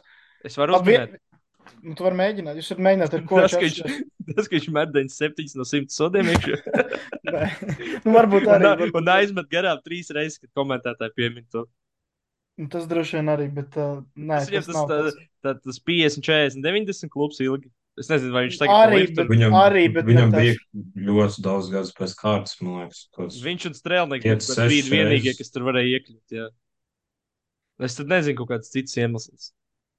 Tas, ka viņš, tas, ka viņš varbūt nebalsta savu spēli uz atletismu un, un, un dominē tādā Francijas basketbola tirgū, kas ir uh, super atletisks. Nu, ta, tas vienkārši tas ir simpātiski man kā spēlētājiem, kas, kam var, kas varētu daudz ko no viņa mācīties. Ja, teiksim, tā, arī nu, tad, tad no tādas spēlētāja prizmas. Bet tas tie nav iemesli, tie ir vairāk Ok. Arī, tad, bet tā- arī zini, ko vēl var mācīties no viņa, kā iespējams pasaules kausa grupu turnīru spēlē ar to kurus pagrūst. Es domāju, to arī var pamācīties tieši To var jauniem spēlētājiem. Tas ļoti vērtīga lieta. Tas bija man, man personīgi viņa karjeras mīļākā epizode. Vismaz Man man tā ir palikusi atmiņā visvairāk un vislielāko prieku radīja no tā, ko es esmu no viņa jebkad redzējis. Labi, uh, vēl arī tīri emocionāli. Es bērnībā skatoties visādas Francijas izlases un vēl visu kaut ko. Uh, es vienkārši uzaugu skatoties to, kā kaut kādās ceturtajās ceturdaļās pie plus divi, mīnus divi. Kāds atdod brīvu tālo blakus Tonijam Pārkeram, Nando de Colo. Nu, viņš vienmēr iemet. Un, uh, bet tā galvenā lieta ir, uh, viņš, jā, viņš ir šobrīd nosēdies, jā, viņš spēlē uh, vājā Eirolandes komandā. Bet uh, viņš tik un tā metos uz 11 punktus. Man liekas, ka viņš uh, pēdējo reizi, kad es tur skatījos, ka viņš tur kaut kāds 16, 17 punktus spēlē, ir metis, es nezinu, kādu dekādu, nu, visu laiku. Un tagad arī nav tā, ka viņam baigi mazāk ir. Nu, bija viņa mazāk, bet labi, viņš šajā komandā spēlē. Bet tas galvenais arguments, protams, viņš ir Eirolandes čempions divkārtais, bet arī, ko es te pagūlēju, paskatījos, ka viņam bija, es sanāku pēc datiem, perfektā sezona 2016. gadā. Viņš bija Eirolandes MVP. Viņš bija uh, Eirolandes Final Four MVP, un viņš bija regulārās sezonas top scorers. Viņš būtībā visu krējumu viens pats sanāk nosmēl 16. gadā. Un viņš ir vienīgais spēlētājs no visiem šiem aizsargiem, kas ir Eirolandes Final Four MVP dabūjis. Un to es kaut kā ļoti augstu vērtēju. Un, ja neskaidrs trīs uh, baigos talantus Eirolandā, kas man būs augstāk par viņu, tad tas ir tas viens no tiem galvenajiem iemesliem, kāpēc es viņu ieliku. Jo, lai cik tur talantīgi ir visi Baldvins, Browns un tam līdzīgi, Dekolo ir simts gadus metis apmēram tikpat punktus, mazliet citādāk, bet metis. Bet viņš ir uzvarējis un viņš ir bijis uh, galvenais iemesls uzvarēt, atzīts par tādu. Un neviens cits to nav paveicis šajā topā. Rekur, No mums otras laikam vienkārši tādi mēs- dažādi pieejami. Jo, piemēram, Jā, otras es, es puses. Jā, vairāk nu es vēsturiski, jā, jā, es, jā, ja es, es, vairāk. tīri, es tīri balstījos vienkārši uz, uz šo brīdi, un ka- kas ir šobrīd. Un tad, ja man jā, jā, jāpaņem vēl, piemēram, tajā topā klāt, ir, piemēram, uh, Dekolo un Lukas, tad tāds, um, nu, tādi reāli argumenti tajā sarunā. Nu, labi, man tā 9, 10 vieta tur ir vairāk tādu, nu, ļoti tādu saudabīgu iemeslu dēļ. Uh, bet, nu, gan jau, ka, ka viņus abus arī varētu tur iespējams ielikt, un, un, un iespējams tā arī ir. Bet tādi konkrētāki argumenti šobrīd, manuprāt, ir Lukas. Jo nu, man arī nepatīk tas, ka viņš spēlē tik švakā komandā. Jā, nu, pa, ja par šo sezonu, jā, es kaut kā mēģināju miksēt to, ka Nu, jā, jā, jā. nav, nav tā, ka viņš slikti spēlē šo sezonu. Viņš tāpat met savus tos 11 punktus, bet es vēl kā protams, bonusu protams. viņu pievienoju to visu viņu iepriekš iespēto. Un, uh, nu jā, teiksim tā. Tas skatoties vispār šo no otras puses, ir tas, ka viņš spēlēt šajā vājajā komandā, nav viņus īsti nekur pavilcis. Pagājušajā gadā viņi ar viņu bija pēdējie, šobrīd viņi ar viņu, labi, viņi nav pēdējie, bet viņi tālu priekšpēdējo vietu, ja es nejaucu ar vienu uzvaru, vai viņam tagad divas varbūt ir. Nu, jebkurā gadījumā viņus nekur viņš viņus nav pavilcis augstāk. Vēsturiski, vēsturiski es saprotu visus argumentus, bet ir tomēr es arī piegāju līdzīgi kā Kristians, un mēs tomēr dzīvojam 23. gadā, nevis 2016. Bet es par, es, par, es par to pavilkšanu gribētu drusku argumentēt eh, no, no tāda aspekta, ka Eirolīga nesako varbūt tik ļoti tam NBA, piemēram, ka tā līga ir tā zvaigžņu centriska.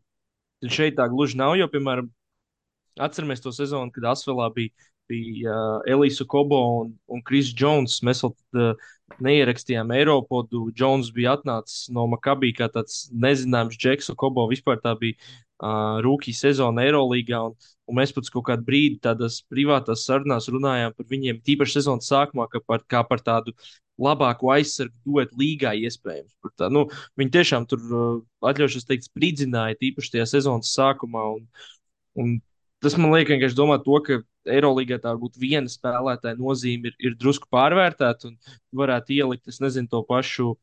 Nu, ok, tā varēs iespējams vienīgais, kurš varbūt atnes tādas kaut kādas uzvaras, bet uh, tas tāpat nebūtu tā, ka viņi tur būtu diži augstāk. Nu, vai Filip Gabriela Deku vai Hezoņu vai nu, jebkuru citu tur, teiksim, no, no tādiem vadošiem spēlētājiem no labākās komandas, tu viņus pārbīdītu. Tur nebūtu tā, ka viņi būtu, būtu citā pozīcijā. Tur man vienkārši liekas, ka tur Eirolandā jāsāk rēķināt ar kaut kādiem trīs, četriem spēlētājiem, kas var tā tiešām konkrēti ietekmēt to, to komandas virzienu. Un man tā liekas, subjektīvi. Es nezinu, kā, vai jūs piekrītat vai nē. Es piekrītu ārpus tāda tā kā Tavares, kas ir vienkārši citādāks no Bet es, arī, es domāju, ka arī viņš tādam asfalam negarantē tur super daudz kaut kādas uzvaras. Nu, Nē, nē, viņam arī vajag partners un sistēmu. Jā, bet, nu, jā, es noteikti piekrītu, ka, lai reāli kaut kādā titula sarunā Final Four būtu, tev vajag tos trīs, četrus atslēgas spēlētājus, kas tad uh, uztaisīs to rezultātu. Tur viens Nē, pats bet- superstars bet- nav bet tā, tad- ka Bet es, nav tāda Lebrona nedaudz, Eirolīgā, kas viens var tev uz Final Four aizvest. bet bet šito asfala pat nedaudz, augstāk. bet es pat nedaudz citādāk skatos. Mēs nerunājam pat par plēfiem, mēs runājam no 18. vietas palikt uz 16. vietu. Nē, nē, es tā arī domāju, bet tas jau tā jau nav. tā- neiekrist tā jau 15 nav tā- zaudējumus. Nu, sērijā. Viņi, viņi šobrīd ir 17. Nu, nu, es tāpat ar jebkuru, jeb, jeb, vienu, jebkuru spēlētāju pievienot Asvelam, no, kas šobrīd spēlē Eirolandā. Es neticu, ka viņi būtu augstāk par 15. vietu. Nu, no šobrīd 17. Vienu, jebkuru spēlētāju. Nu, es piekrītu, jā, bet man liekas, ja tu ieliktu, piemēram, es nezinu, tu ieliktu Lorenzo Brauno kolo vietā, es domāju, viņi būtu 15, nevis 17. Tā kā Lorenzo Brauns kaut- Dekolo vietā? Nu, pie, tas ir piemēram. piemērs, Nē, nē, tie- tāpēc, ok, jā, vienkārši baigi līdzīgs spēlētājs.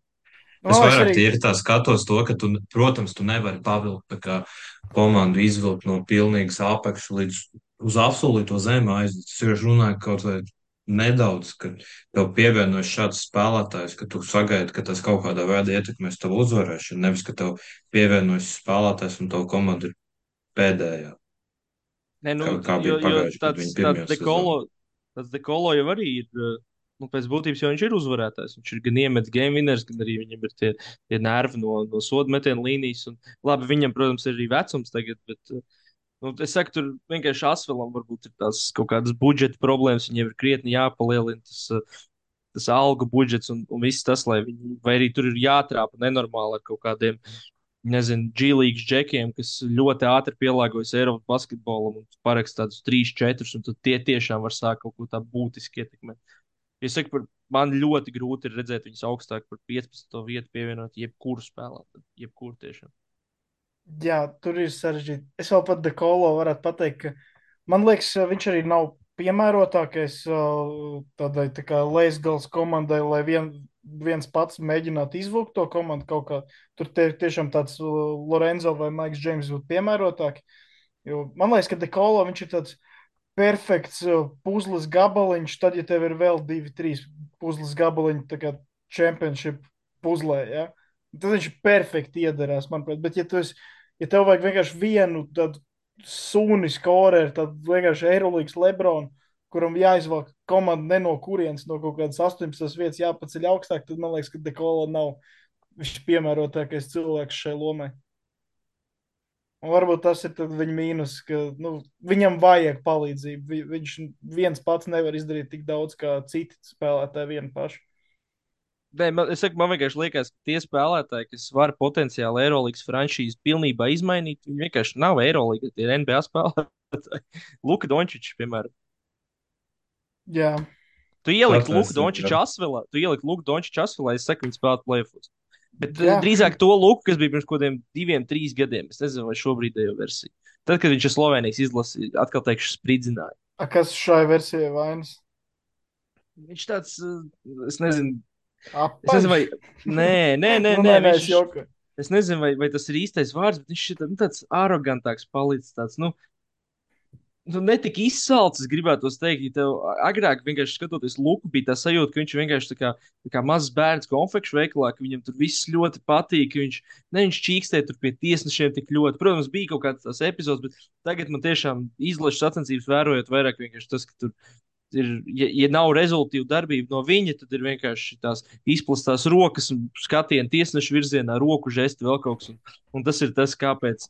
Nu, es domāju, ka viņi tādā asvelā tur piemēram, kaut ko nenosūta uz viņu, un uzreiz tev ir 5 uz 4, un tur ir 2 punkti, un tad viņam ir jāsāk viss no jauna. Jā, nu tā viņa polijai zaudēja ceturdaļfinālā Eiropas čempionā tieši šādi. Nu, 5 tieši pret tā, jā. 4 spēlējot. Mēs tagad ejam uz Olimpisko piedestālu. Paga, Vai paga, vēl- es nenosaucu. Tā vēl ceturtā. Okay. Jā, pagaidi, atgādini, Norčam bija dekolon, kas tev bija vēl ceturtais. Kevins Pancers. Ok, ah, nu jā, ok. Uh, man ceturtais ir, uh, jums viņš bija kaut kāds astotais, laikam, man ir Džanans Musa. Uh, viņš ir pats garākais no, no visiem aizsargiem šajā sarakstā.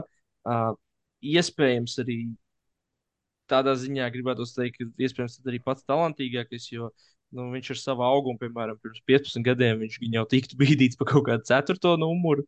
Uh, viņš vienkārši ir, ir ļoti daudzpusīgs. Un, Un es viņu vērtēju tik augstu arī. Pirmkārt, viņš ir jauns. Uh, Valtam bija tie labi argumenti, ka viņš uh, it kā svarīgos momentos nav, nav ieradies vēl, bet, uh, manuprāt, tie nav bijuši tik daudz, lai es varētu tā konkrēti pateikt, ka viņš ir tas džeks, kurš varbūt pazūd tajos momentos. Uh, nu jā, viņš man liekas vēl no šiem visiem, ja es kaut ko tādu, jo es atceros par vienu džekšu to domāju, uh, ka viņš diezgan daudz, uh, samērā salīdzinot ar pārējiem aizsargiem, arī var nospēlēt ar muguru pret grozu, uh, jeb postā. Un tagad es vienkārši skatos un nevaru saprast, vai vēl kāds tā dara. Es zinu, ka Maikam Džeimsam patīk, bet tas ir, es nezinu, kā, kāda iemesla tam visam ir, jo, piemēram, viņam augums to īsti neatļauj.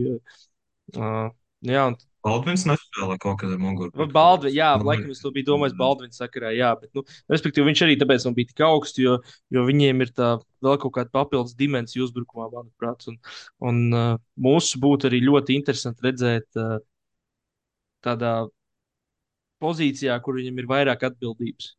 Jo šeit reāli, es domāju, diezgan brīvi jūtas. Un Pagājušā sezona bija diezgan. Nu, viņš varēja daudz vairāk Bet- bet- spēlēt. Bet tā. tāpat, bet tāpat es gribētu teikt, nu, zinu, kā gribētu, es nezinu, iemest, labi, ne gluži asvelā varbūt, bet, es nezinu, nu, piemēram, es domāju, Boloņas virtus, viņš būtu, kas ir tā kā uzvarošs komanda, šobrīd viņš tur būtu uh, pārliecinošs, tā kā numur viens starp aizsargiem. Nu, apmēram, ka, ja viņš sūdīgi nospēlē, komanda zaudēs. Tagad, ja viņš reāli sūdīgi nospēlē, tāpat viņu uzvarēs. Jā, un tāpēc es viņu arī ieliku, varbūt tik augstu, jo vienkārši viņam it kā ir tas potenciāls būt super labam. Jā, kaut kā. Nu, Viņam griezti, griezti, griezti tiešām ļoti augsti. Un, uh, es arī neredzu īsti iemeslu, kāpēc viņš to nesasniedz. Jo arī tas, ko es teicu par to, ka nav pēdējais lielais spēles, es piekrītu tev, ka pirmkārt tāds nav bijušas daudz, un otrkārt tas, ka jā, viņam 24 gadi, un viņam ir vēl laiks. Labi, gan jau es nezinu, gan jau Serko Jūras jau 24 gados bija uzvarētais, bet tas tā kā tas ir izņēmums. Es domāju, ka tas jau lielākoties nāk ar gadiem, un es domāju, ka kad gadu gaitā viņš būs tāds. Pagaidiet, Nor, Norč, Norč minēja mūsu vai ne? Minēju astotajā vietā. Ah, ok, jā, vēl pareizi. Jā. Valtam bija laikam septītais vai devi, devītais. Ja?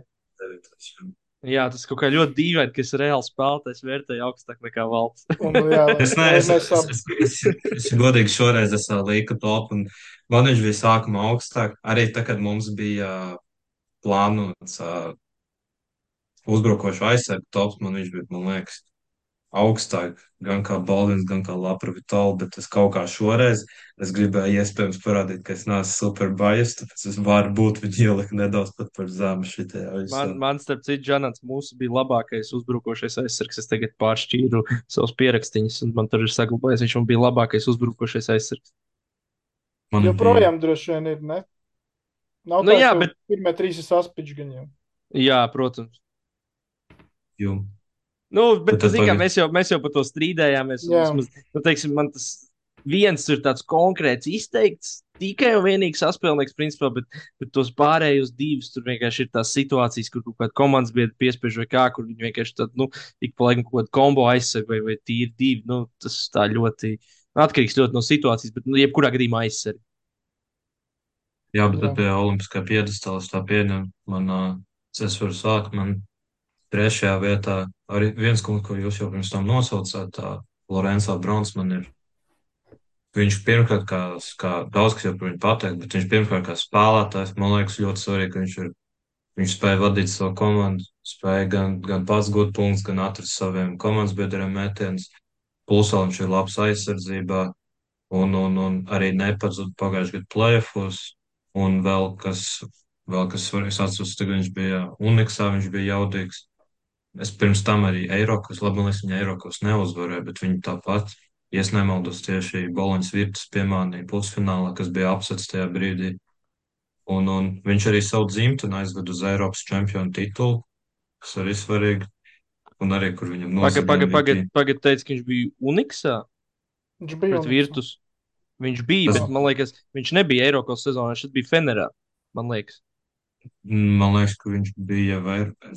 Nu, šī tas ir jāpārbauda. Man liekas, Man liekas, ka, man liekas, ka viņš, viņš, bija, viņš bija Fenerā, man liekas, un tur viņš neko, neko super ļoti nerādīja, ja nemaldos. Kur tā bija? Kura sezona tā bija? Tā bija arī 21, Jā, tā, 21, tā bija 22. eh, 21, 22. Viņš bija Kazaņā. Un, Jā. Nu, tas ir 20 Eiropas.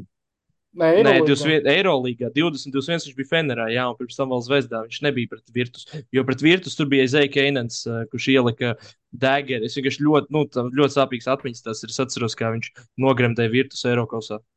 Zeja Keinens. Ok.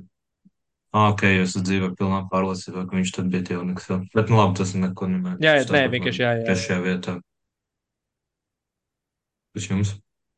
Uh, man trešajā vietā ir uh, Šēns Lārkins, un jāsaka, te drusku nostrādāja recency bias, jo man sanāca redzēt uh, uh, iepriekšējo FS spēli pret Partizanu, un uh, nu, viņš tur, es šito vārdu izmantošu jau trešo vai ceturto reizi šajā epizodē, viņš tur konkrēti nospridzināja. un, un, un ir jāsaprot, ka mēs runājam par Džeku, kuram, kurš ir Eirolandes rekords gūtajos punktos, un viņš ir uh, man, es saku, man drusku varbūt nav pārliecināts, tas viņa fits ar Dariju Thompsonu. Ja es esmu redzējis arī spēles, kur, kur, teiksim, kur viņš nav tik pamanāms, un viņš vairāk izvēlās spēlēt, teiksim, off-ballā un vairāk iesaistīt drusku partnerus. Bet, nu, ja, ja viņam tā teikt aiziet ciet, tad viņš joprojām ir, ir, ir super bīstams. Un, un jā, jā, jāatzīmē arī tas fakts, ka viņš 27 acis partizānam iegāza un nokārtoja spēli ar traumu. Kas viņam pat traumas? Viss cena. Neatceros, kaut kas ar roku nebija. Vai es ne, neatceros. Tas nebija, ne, tas, tas bija, tas bija laikam, ka pirms spēles, un nezināju, viņš spēlēs, liekas, Jā, jā, bet. Er- Erdems, Erdems Džans pateica, ka viņš spēlēs. Jā. Tad viņš vienkārši aiziet un, un sal- sakārto visu pret Partizānu. Kur bija diezgan sprāga spēle līdz brīdim, kad viņam aizgāja ciet. Nē, nu, protams, treneris saka, kaut kas jāspēlē, tad spēlē. Tāpat kā Viktoram Štebatiham, treneris Andris Kevičs pasaka, jāceļ svars, tad viņš ceļ svaru. Tas ir nav, kaut ko diskutēt daudz nemaz. Nu, okay. Bet, bet arī jācitē Viktors, un laikam nevis treneris, bet treneris. Taisnība, taisnība, pareizi. nu, Norbert. Labi, pie mana top 3. Uh, es mēģināšu te kaut kā paskaidrot to savu domu. Es zināju, ka man šis džeks būs zemāk nekā jums, un ka jums viņš būs augstāk. Kaut kā es to jūtu. Man uh, bronzas medaļu un trešo vietu iegūst Maiks Džeims, kurš uh, viennozīmīgi ir viens no lielākajiem meistariem visā Eirolandā. Es teiktu, es Maiku Džeimsu redzu kā tādu NBA prime James Harden nenormāli talantīgs, uh, ļoti meistarīgs viens pret viens, bet kaut kādā ziņā velk to deķu uz sevi un uh, mm, spēlē daudz tās izolācijas, kas man mazāk patīk. Un uh, šodien gan viņš atkal fantastiski ir iesācis sezonu, varbūt pat labāk nekā vispār jebkad. Uh, un viņš ir Izņemot tik, vienu spēli. jā, un viņš ir tik labs ar visu to savu spēles stilu, ka viņš, manuprāt, viņš šlaik grib, lai metieni notiek, lai viņš met pa grozu, vai cilvēks no viņa piespēles met pa grozu, un ka viņam ir tā kā bija šī problēmas ar spēlēšanu off-ballā, un uh, dažreiz kaut kā tas var ietekmēt to tavu komandas spēli un bumbas kustību. Es gribētu teikt, nu, es tagad, zinu, kā es tagad pieskaros mīnusiem, jo es mēģinu argumentēt, kāpēc divi džeki man būs augstāk par viņu, kāpēc viņš nav top viens, jo pēc meistarības varbūt, ka viņš ir top viens, es nezinu. Es redzu viņu kā to James Harden, viņš ir tik labs individuāli, ka viņš var aizvest komandu līdz tam top 8, top 4. Tik ļoti meistarīgs tāds, bet uh, nepietiekami, lai aizvestu līdz titulam ar šo spēles stilu. Un tāpēc es redzu viņu kā to Houstons prime James Harden. Un uh, otrajā vietā man ir Šēns Lārkins, kurš īstenībā daudzos veidos ir līdzīgs. Viņam arī ir tā ISO step back trojka. Viņš arī var nodrēvot, izveidot situācijas. Man pat, bet es domāju, ka Lārkins to kaut kādā veidā dabiskāk dara un ka viņam tas sanāk vairāk tādā komandas konceptā. Uh, Un uh, man kaut kā tas Lārkins vairāk patīk. Un, uh, nu, nevēl tie 49 punkti Eirolandes rekords, tas, tas runā pats par sevi. Tagad pēdējā spēlē mēs redzējām, kāds notiek. Es domāju, ka viņš ir underrated piespēlētājs, ka viņš māk arī sadalīt bumbu ar vēl vienu. Piemēram, es nezinu, vai Mārcis Džeims mācīja tur Vasu Miciču kaut kā ļaut, nu tā kā vienkārši izdarīt tā, ka vēl viens mazais spēlētājs tik labi jūtas viņam blakām nu, mēs varam par to runāt. Gan jau Okobo tur baigi nesūdzas, ka viņam kaut kas nepatīk. Bet man liekas, Lārkins kaut kā liekas, ka tādas komandas interesēs viņam labāk sanāk. Lārkinam ir divi čempionu tituli, kas ir pietiekami nesen abi divi notikuši. Un, uh, jā, vienkārši kaut kā arī par to Lārkinu tā sajūta. Man ir bijis tā, ka, piemēram, ir pagarinājums kaut kādā spēlē. Līdzīgi kā tagad Partizanām, piemēram, kad Čoms nav redzējis spēli, viņš jautā, kas tur notika pagarinājumā, kā FS var uzvarēt pagarinājumu pa 15 punktiem. Es, un tad kā, tas čoms vienam pajautā, kā Šeins Lārkins notika. Es saku, jā, Šeins Lārkins notika. Viņš ir, piemēram, četrus tālus iemet pagarinājumā. Nu, Bet, uh, es, tā... es, es gribētu uzreiz oponēt un teikt, ka uh, es, es gribētu drusku oponēt un teikt, ka, piemēram, tu teici, Šeins Lārkins notika, un tas viss paskaidro. Tas var notikt ir arī, piemēram, spēles. Ir, ir spēles pret, uh, it īpaši tādā nesenākā pagātnē, kas, kas nāk galvā, ir, ir spēle pret Madrids Reāli, kur ir četru punktu starpība, piemēram. Nu, Tad vienīgais, kas to nedomā, ir galva. Nē, bet, bet tas, kā tu to vari izskaidrot, ir arī vienkārši pateikt, ka Maiks Džeims notika. jā, nu es teiktu, bet, ka viņi tur var paralēls vilkt. Viņiem jā, tas, ko, tas līdzības. Tas, ko tu teici par Šeinu un Vasu, vai Maiks tā varētu ar kādu, piemēram, vienkārši skatoties uh, to, kā šobrīd ir, kāda šobrīd tā situācija Maikam un Nāko un kāda bija ar Vasu FSA, tad man vienkārši ir tā sajūta, ka tur tā kaut kāda kopējā komandas tāda sinerģija un, un tas, tas lomu sadalījums bija labāks. Jo, piemēram, no FSA uh, pilnīgi visiem bija skaidrs, ka tev ir viens A, viens B, tas ir, ir, ir Vasa un Šeins. Un tad tev pārējie bija vairāk tādi nu, ieroču nesēji, tā var teikt. Tev bija, piemēram, tāds uh, Rodrigs Bobuā, kurš, kurš ir tīrs spotaps, principā, un nu, tāds 3D džeks. Uh, tad tev bija kaut kādi veterāni, tur bija Brians Dunstons, Kris Singletons, Tibors Plaisas garajā galā, uh, James Sandersons uh, arī laikam bija vēl, uh, Krunaslavs Simons. Moermans, visi tie bija vairāk tādi džeki, tur vienkārši bija tā perfektā puzle salikusies, un ka tev bija nu, teiksim, katrā komandā tev vajag visticamāk divus labus aizsargus, lai, lai tu nevari ar tādu vienu izteiktu izcilu aizsargu visticamāk uzvarēt. Tev tad ir jābūt kaut kam citam vēl labam.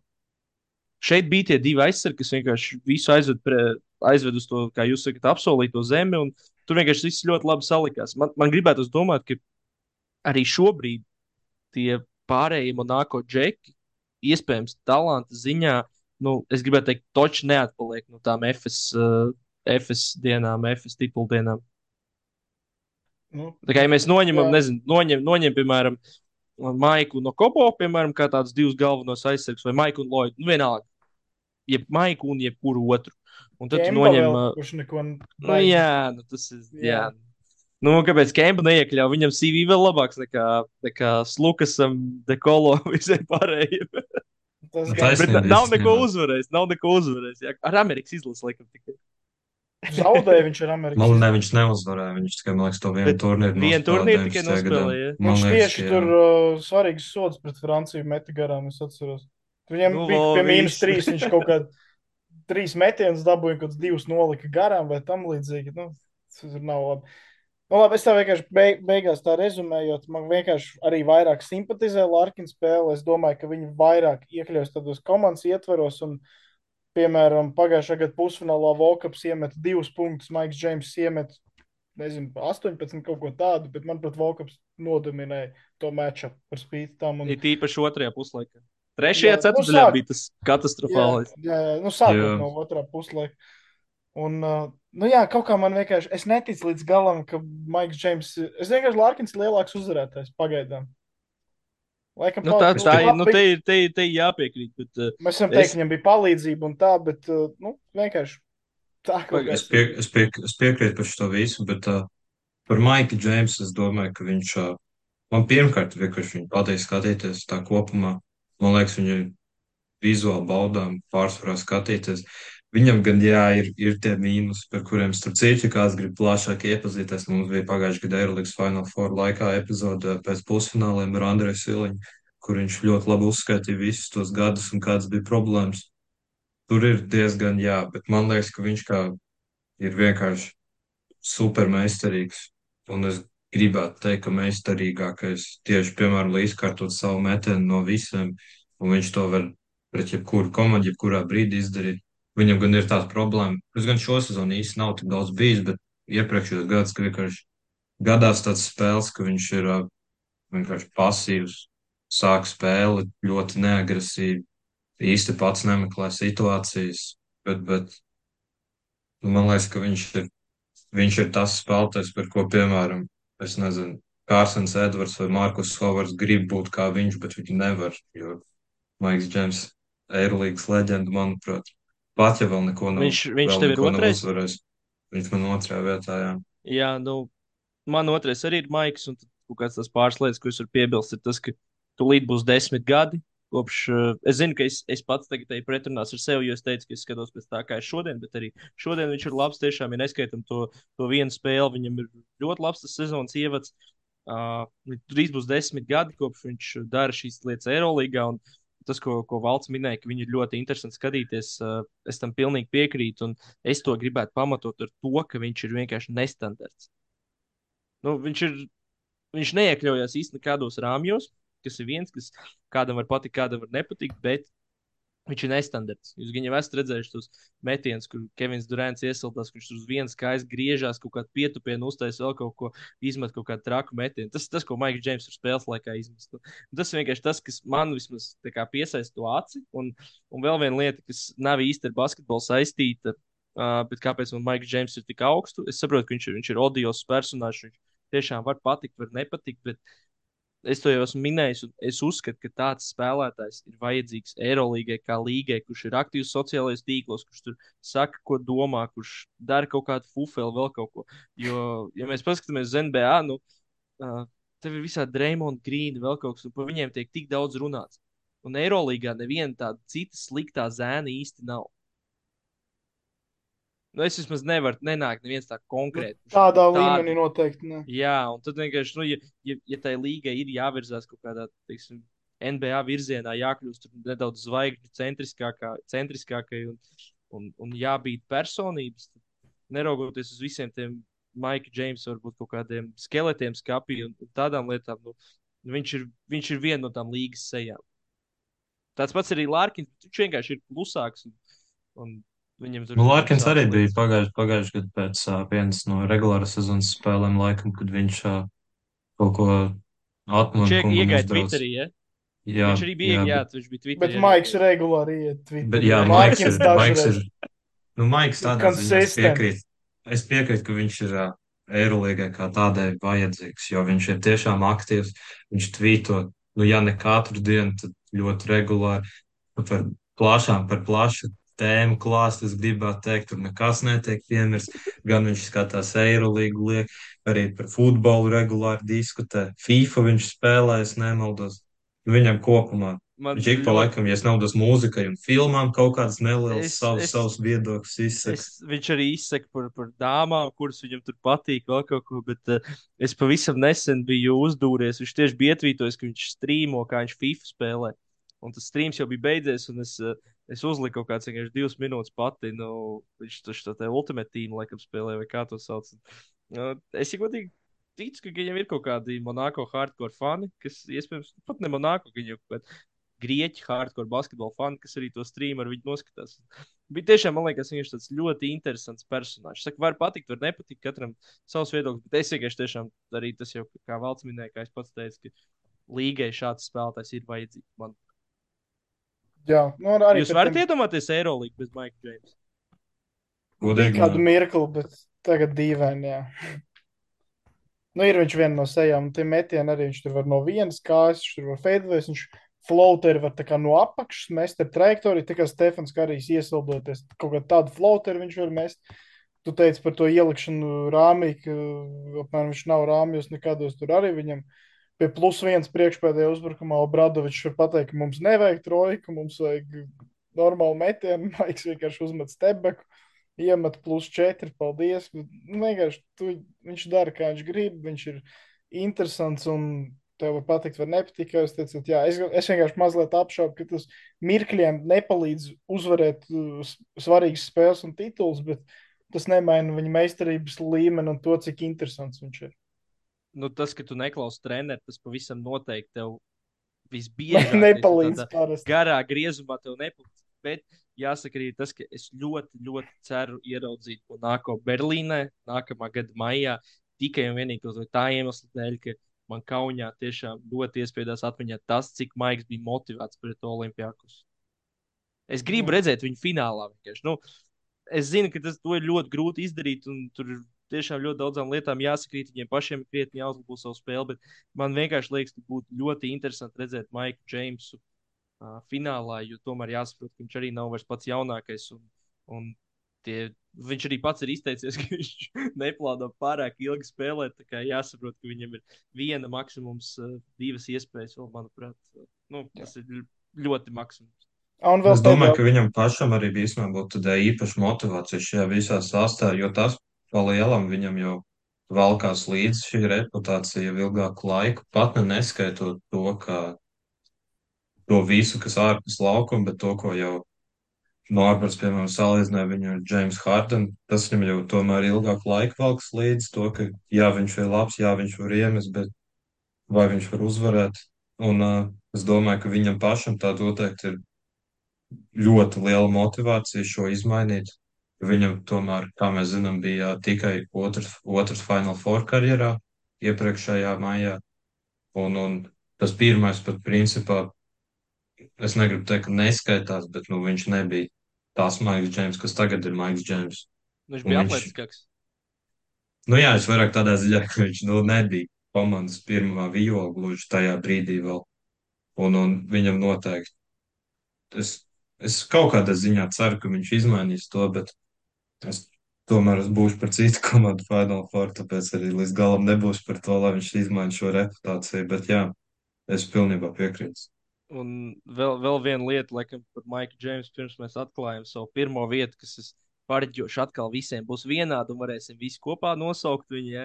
Uh, tā viena lieta par Maiku Džeimsu, tā kā Norčam patīk uh, visu kaut kādu sasniegumu, un arī tur vēsturē paskatīties, nu, ir, ir diezgan laba šance, ka Maiks Džeims beigs karjeru kā visu laiku rezultātīvākais Eirolandes spēlētājs. Tieši to gribēju arī teikt. Jā. Un tas, es domāju, nu, teiksim, manai tai pozīcijai, kā es raugos uz šo, uh, uz šo topu, baigi nepalīdz. jo Es balstos, mēģinu balstīties uz šo sezonu un uz šo mirkli, bet tev es domāju, ka tas ir ļoti spēcīgs arguments, lai viņi ierindot gan augstu. Nu, tev tā arī ir, principā. nu, jā. Jā, nu viņš vienkārši, ja ne, viņš tur uz Brooklynu bija aizbraucis, bet tā viņš reāli dekādi dominē, un to, ko viņš, un šo sezonu arī viņš ir superīgs, un to, ko viņš dara, to viņš dara jau desmit gadus. Nu, visu cienu. Jā, uh, nu, un pirmā vieta pa zilbēm tā kopā. Fa, un, Gundo, Kam, Paco, mazais Jā, vīrietis. nu, es domāju, jādod Valtam vārds. Atkal. ir- Vis, visos topos Madrids reāli spēlētāji. Izņemot, mums. izņemot, izņemot uh, spēku uzbrucēju, tur bija Mirotičs. Jā. Bet, nu, jā, Jā. nu, tā ir labākā komanda ar labākiem spēlētājiem katrā pozīcijā. Vienmēr tev jau pozīcijas minēju labākais spēlētājs ir. Jā. Es jau minēju to, ka viņiem, laikam, trīniekās pie power forwardiem bija, laikam, jābūt sev, bet nu, tas arī tā kā, nu, tur nav tik liela tā atšķirība no tā Mirotiča. Nu, teoretiski. teoretiski. Jā, Jā. nu, Fakundo Kampāts, manuprāt, ir uh, labākais spēlētājs visā Eirolandā. Un arī to, ko minēja, ka viņš ir labākajā komandā. Es uzskatu, ka viņš ir visā komandā vienīgais spēlētājs, kurš, ja viņš izkristu ārā, tad man tiešām sāktu panika, jo tad tur es nezinu, ko, ko tur var darīt. Viņš bija principā. To, ko pagājušajā sezonā. Nu, taisnība, tad bija, Nu, tad bija vairāk tā teikt, dažādīgākas opcijas. Tagad, tagad īsti tāda vairs nav. Bet, Nu, tā, Pagaidiet, tev, tev, principā, Viljams Gosa vietā vienkārši ir Alusens. Nu tā. Viss jau nu, pārējais. jā, pats. nu, bet no Viljams Nu, ja- ja nav- ja nav godīgi ir, ir labāks vienkārši. Es, es vairāk tīri tādā ziņā, ka viņš principā, tad, kad viņš aizbrauca prom no, no Madrides uz NBA 20. 21. gada sezonā, viņš tajā sezonā viņam radīja saspēles vadītāju problēmu, ko viņi tā arī, manuprāt, īsti līdz galam nespēja atrisināt, līdz viņš neatgriezās atpakaļ. Tur tika mēģināti viss, gan, jā, Viljams Gos bija, tad bija ar alkohola problēmu, Tomā ir tels, tad bija, jā. Čačo Rodrīgas, kurš Ā, labi tas- tas performē. Jā, jā. Nu jā, un tur viņš, manuprāt, vislabākais piespēlētājs visā Eirolīgā.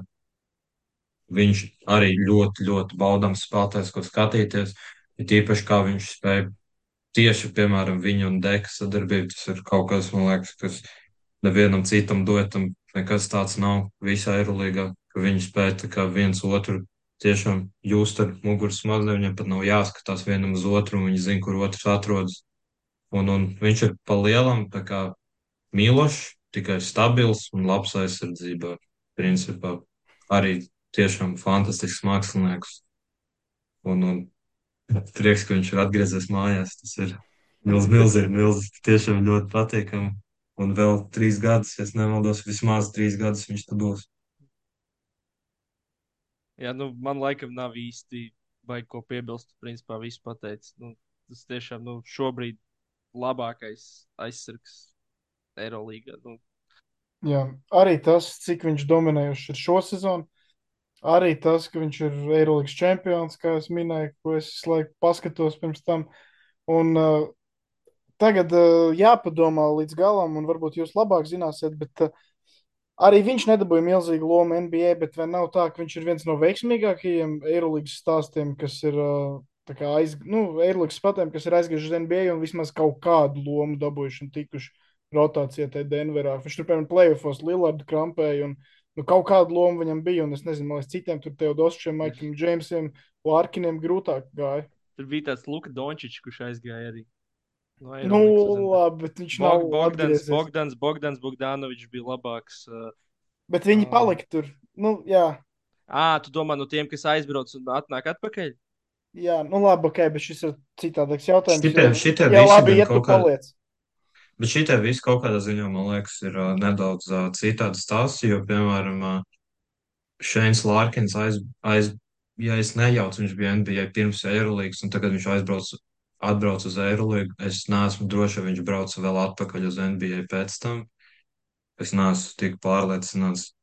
Un, un Maiks Džeims aizbrauca, kad viņš aizbrauca uz, labi, viņam tur bija kaut es atceros, viņš Phoenixā spēlē, bet tas pēdējais posms, ko mēs atceramies, tas bija Brooklynā. Viņš aizbrauca, tas bija jau, es neatceros, martā, aprīlī, tā aptuveni, es teiktu, tādā laikā. Man Grecēna vēl. gribēja tīri ar Kairiju, Hardenu un KD, bet nesanāca. Viņam KD Čons to vēl. Nu, arī.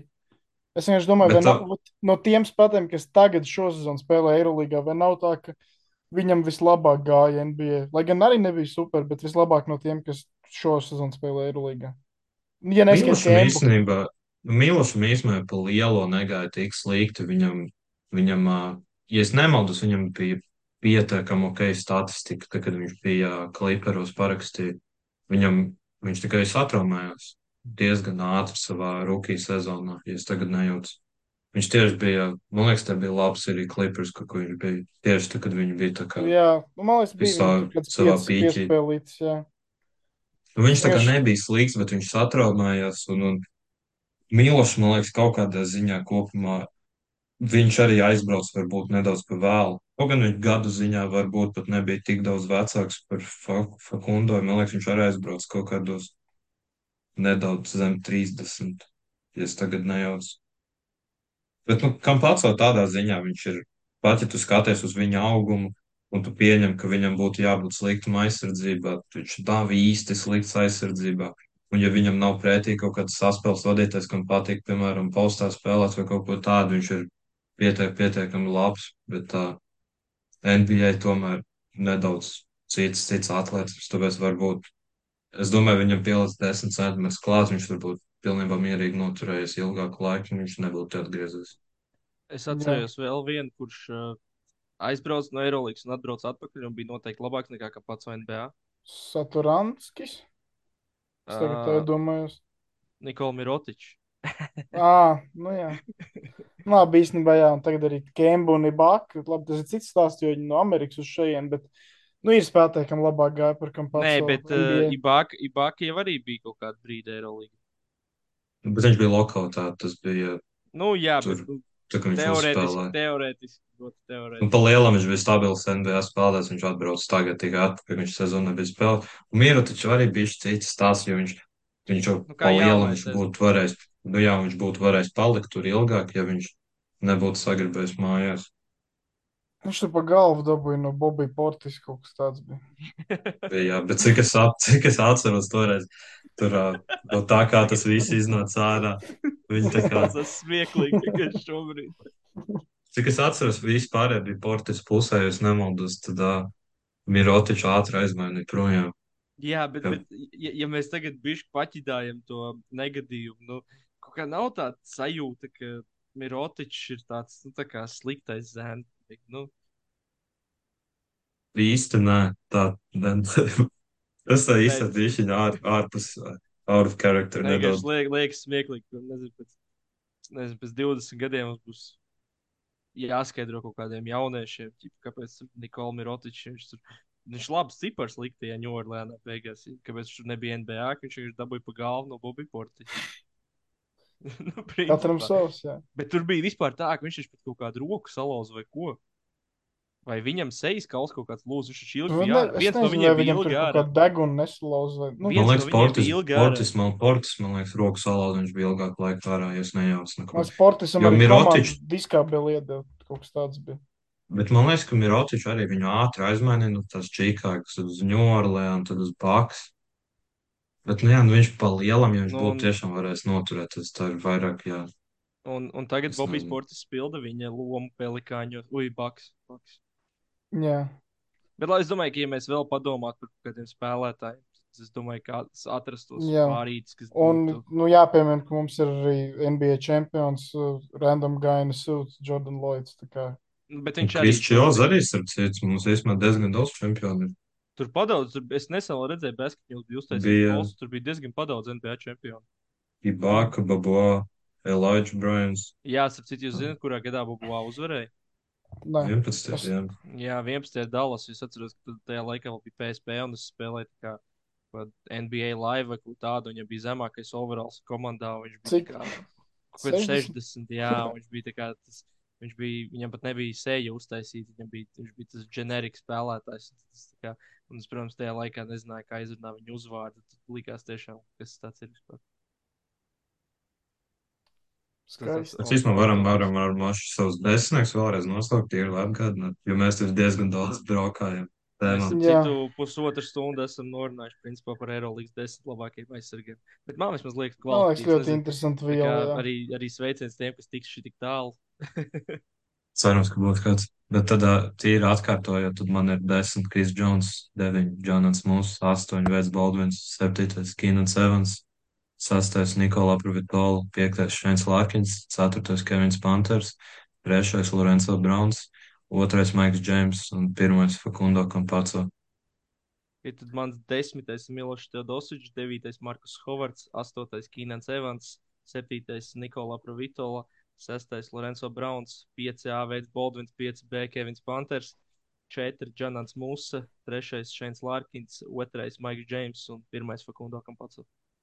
Kampaso. Okay. Nu, Mans tad apgraidotais sanāk 11. Kalatis, 10. Laprovitola, 9. Musa, 8. Baldvins, 7. Panthers, 6. Lorenzo, 5. Lukas, 4. Dekolo, 3. Maiks Džeims, 2. Šēns Lārkins un 1. Fakundo Kampaco. Jā, nu mums laikam pat nevienā vietā īsti neatšķīrās labākie. Paši kā labākie. Pats pats Pats labākais. pirmais, jā. Mēs diezgan tā vienojāmies. Bija laikam, kam pats, nu, četrnieks sanāk labāko pusi, kam pats o ā, Deks, labākais. Mirotičs un Tavares. Jā, un trīs no četriem ir karaliskā kluba pārstāvji. Es domāju, tas diezgan īstenībā, ja kas pagaid, kur man liekas, tu jau teici, Kristian, bet tā, ja mēs būtu beigās tos uh, shooting guards, tomēr kaut kādā veidā publicējuši, tā būtu mūsu bijis pirmais, jā? Jā, man vienkārši būtu tā, ka Mirotičs ir bezsakarā iemaldījies pie Madrids Reāla. Nu, viņš ir tomēr bijis pie viņa. Tas viņš ir bijis, bet, bet uh, tomēr pēdējā sezonā vairāk kā Barcelonas pārstāvs. Man, man būtu Kevins Pancers bijis. Ot, pie shooting guardiem pirmajā Kura vietā. iemaldīšanās Madridē arī ir tāda saudabīga. Tāda. Nu, viņš tur ir bijis. Ir, ir arī izkāpies, tā teikt. Tur viss ir, Jā, viss viņam, ir viņam, viņam, backups būtu tāds ļoti principiāls. Norbert, Jā. kas tev būtu uzvarējuši? Nu, te ir jautājums atkal par pozīcijām, pie kā mēs bijām pagājušajā reizē. Nē, nu- Jo vienkārši pēdējās sezonas Lārkinu es redzu kaut kādā ziņā kā otro numuru, jo viņš laik ir vai nu Micičam vai Darjusam Thompsonam blakām, kas spēlē daudz vairāk ar bumbu un daudz vairāk vēl pār centram, bet nu, viņš ir kombo gārds. Ja es viņu ieskaitu kā šūtingā, tad viņš nākamais listā Dekolo, kurš arī kombo, bet kur Nē, arī nē, vienkārši, ieskaitīt kā vienkārši sanāk otru. tā, vienkārši sanāk tā, jā. Un no tādiem tīrajiem tad ir Panthers. Tā kā, ja Labi, tīrais, tad Panthers, bet šie divi man ir ka tev, augstāk. tev paliek Lārkins, un tad viņa saka, ka arī Madrid ir interesants gala mērķis, kurā tā kā iesaistīties, jo vairākas sezonas ir bijis uh, starpzonā kaut kādas runas, ka, ka Madrid varētu viņu piesaistīt, bet tas tā arī nav noticis, un, un šobrīd jau diez vai notiks, un jā, tā kā mums uh, pamainot nedaudz to slaveno teicienu, tad visi ceļi ved uz Madridu. Tas sanāk tā, ka Madridē ir absolūtākā dominance, un uh, tā vienkārši paturpinot to Madrides tēmu. Tad, nu, šobrīd izskatās, viņi tiešām gandrīz ne, nevainojami un, un neievainojami. Un, un, ja mēs šobrīd runājam 27. novembrī, uh, vēl ir principā seši mēneši līdz uh, Final Four. Uh, ja viņi neuzvar, tad šobrīd tas ir vienkārši milzīgs pārsteigums. Daudz kas var mainīties, uh, noteikti būs arī kaut kādas korekcijas un tā tālāk. Es esmu diezgan drošs, ka pirmais sīts jau šobrīd mums ir zināms. Uh, un tad vienkārši ir, ir jautājumi par, par Final Four, vai izdosies lauzt šo te kursu. Jā, nu es, es piekrītu, ka mil, milzīgs, es uh, piekrītu pirmā vieta stabila regulārā sezonā un tiks Final Four stabili, bet uh, tas Final Four tā viena spēle, nu tas būs pārsteigums, bet es neteiktu, tas ir milzīgs pārsteigums, jo būs arī citas labas komandas tajā Final Fourā un uh, visiem ir izredzes un Madrid būs favorīti, bet nu nav tā, ka kaut kas pilnīgi nereāli šokējošs notiks, ja viņi vienu spēli nejauši zaudēs kādam, kam tajā dienā stiprai komandai arī labi ies un būs taktiski sagatavojušies metienu, iekritīs un viss notiks. Bet jā, pirmā vieta Final Four, tas ir, manuprāt, pilnīgi stabili, un ja tas nenotiks, tas man būtu milzīgs pārsteigums. Jā, Piekrītu. Kopumā pat, patīkam dzīvot īstenībā šādā laikā, kad Madrid tik labi spēlē. Ļoti tiešām tad, te krāsas ir daudz krāšņākas, viss, viss tiešām skaisti. Putni dzied ārā uz ielām. Zāle ir zaļa. Bērni, jā, viss- zāle, zaļa, bērni smaida. Viss notiek, tiešām viss tik skaisti šobrīd. Katras Bet, nu jā. pozīcijas labākais spēlētājs ir, viss ir labi. Taisnība, bet kā es piekrītu, ka Final Four viss noteikti daudz, var, daudz kas var pamainīties. Arī tā pati Madrid, kad viņi uzvarēja pagājušajā gadā, viņi neiegāja gluži, nebija numur viens favorīts tajā momentā. Un, un kaut kāda komanda noteikti uzņems formu tieši uz plēfiem, tā kā tur jāsās, kas būs. Bet, nu, Bet, pagaidām. citu, Ko, kopumā interesanti, laikam, ir tas, ka nu, Madridē nav tā, ka kaut kas krasi. Tur praktiski vispār nekas nav izmainījies. Nu, ir viens spēlētājs aizgājis, viens atnācis tā pa lielu. Un uh, ļoti interesanti ir tas, ka viņiem jau tas kodols ir, ir tik ilgi kopā, bet tik izteikti dominants ir pirmo reizi. Es teiktu, tas kaut kādā ziņā varbūt, es domāju, pārējo komandu dēļ ir, jo gan, manuprāt, gan Olimpijākus ir palikuši vājāk, gan uh, arī Barcelona, pat ja viņiem ir uzvaras, viņas, viņi nav tik labi, kā viņi bija pagājuši gadu, piemēram. Es nezinu, kas Nu, tur vēl. Es arī teiktu, ka Madrid vienkārši viņiem ir vairāk labu spēlētāju nekā parasti. Ja viņiem kaut kādā mirklī Deigs bija prom uz NBA, kaut kādā mirklī Kampāco bija prom. Uh, kādreiz viņiem nebija tādi kadri rotācijā, kā Jābusēla, Hezonija un Musa, kas īstenībā būs. Bija, bija tie visi veterāni, bet nu nebija tik daudz labu spēlētāju vienlaicīgi vienu vietu. Un tagad viņi visi ir, kā valsts teikt, atnākuši mājās, un visi reizē tur atrodas. Parasti no tiem deviņiem, desmit superīgiem spēlētājiem, kad seši, septiņi ir uz vietas, un pārējie trīs ir vai nu vēl nav ieradušies, vai meklē laimi citur. Un tagad viņi visi ir viena vieta. Un varbūt tas ir tas izskaidrojums, kāpēc tik dominējoši viņi tagad ir. jā, nu, man, man īstenībā jums ir jautājums, tā kā mēs jau esam pēc maniem aprēķiniem kaut kādu stundu 40 tā kvalitīvi norunājuši. Man ir jautājums, vai mēs vēl ķeramies klāt tai Eirolandes aizvadītajai kārtai, vai, vai tomēr nē. Es domāju, mēs varam vienu spēli pieskarties. Iespējams, Ah, jā, jā, jā, Bayern piekrītu. Asfalt, to, to es gribētu. Bet jā, Tas- tā, ir, pārējie. tā ir spēle par. Ja tev pirms sezonas kāds pateikt, ka tā ir, tā iespējams labākā sezonas spēle, teikt, lai pasūtītu šo cilvēku, īstenībā trīs mājas tālāk, un teikt, lai beidz muldēt. Iespējams, arī, nezinu, ja tas tavs labs čoms, tad kā toni augstāk uzdot. bet, bet tā, principā, nu šā, šī spēle, viss tas konteksts ap spēli, uh, jaunās arēnas atklāšana, kas, starp citu, izskatījās diezgan smuki, un man pēc tādām sajūtām atgādināja Žalgiris arēnu. Uh, viss tas scenārijs, kā spēle ritēja, uh, ceturtā ceturdaļa likās, ka Bayerns diezgan kontrolē to spēli un, un ka aizvedīs līdz, uh, līdz uzvarai, bet uh, Asfals atnāk atpakaļ. Uh, ir pagarinājums, pagarinājumā ir baigais vēl viena amerikāņu kalniņa, um, aiziet priekšā Bayerns, aiziet priekšā Asvels. Uh, nā- satraumējās Džeks, ar kuru Leandro Bulmārots, ar kuru iet pilnīgi viss uh, Bayern uzbrukums, tiek uzlaists Kārsens Edvards augstām rokām. Ja nemaldos, viņš pat sodus neielika abus. Vai ielika? Viens bija tikai viens. Bija, Viens bija, jā, ja uznāk augstām rokām. Pablo Laso saprot, ka viņš ir kļūdījies un noroja viņu nost, nāk laukumā tur Francisko. Viņš ieliek kaut kādus trakus trīņus, uh, Niks Vailers Babs liek pēc soļa atpakaļ trīņus. Ir uh, ļoti diskutējami tiesnešu lēmumi, ir tīpaši pats pēdējais. Nu, tajā spēlē bija pilnīgi viss. Pilnīgi viss. Pat Es īstenībā gribētu, kura gala, bet, lai ā, labāk sākt. Nu, tas skaidrs, gribētu tas jāatrunā nedaudz par to ir- pēdējo epizodu, vai, vai kā tev? Es gribētu sākt no mača, varbūt tieši no tās uh, ceturtās ceturtdaļas tieši sākt, jo Bayern tieši sāka ceturto ceturdaļu, viņiem bija mīnus 10, mīnus 12, tad ceturtās ceturdaļas sākumā kaut kas ap to. Pagaidām, Bayernam Un- un- plusi. Nē, Bayern bija mīnusos. Un, un viņi ceturtajā ceturdaļā uzlika zonu, Ah, viņi pareizi, jā, pareizi, pareizi. Tagad es atceros. Jā, Jo viņi to zonu principā pagarinājums likās jau kā cits spēle. Taisnība, jā. Un viņi to zonu principā sedz arī visu 4. ceturto, kad viņi atnāca atpakaļ. Tur gan, gan tas nospēlē lomu, gan arī Andija Ops. Viņš iemeta divas trojkas, un viņš arī, diemžēl, satraumējās. Un, un es īstenībā spēles pēdējās kaut kādas trīs minūtes bija diezgan droši, ka Bayern uzvarēs jau pamatlaikā, bet viņi uh, pēc divas minūtes pirms spēles beigām Pablo Laso paņēma challenge. Tur bija kaut kāds augs vai kas, es nezinu, viņš paņēma challenge. Pēc tā challenge viņi pārgāja atkal uz cilvēku cilvēku aizsardzību no zonas, un tad viņi uzreiz ielaida punktus.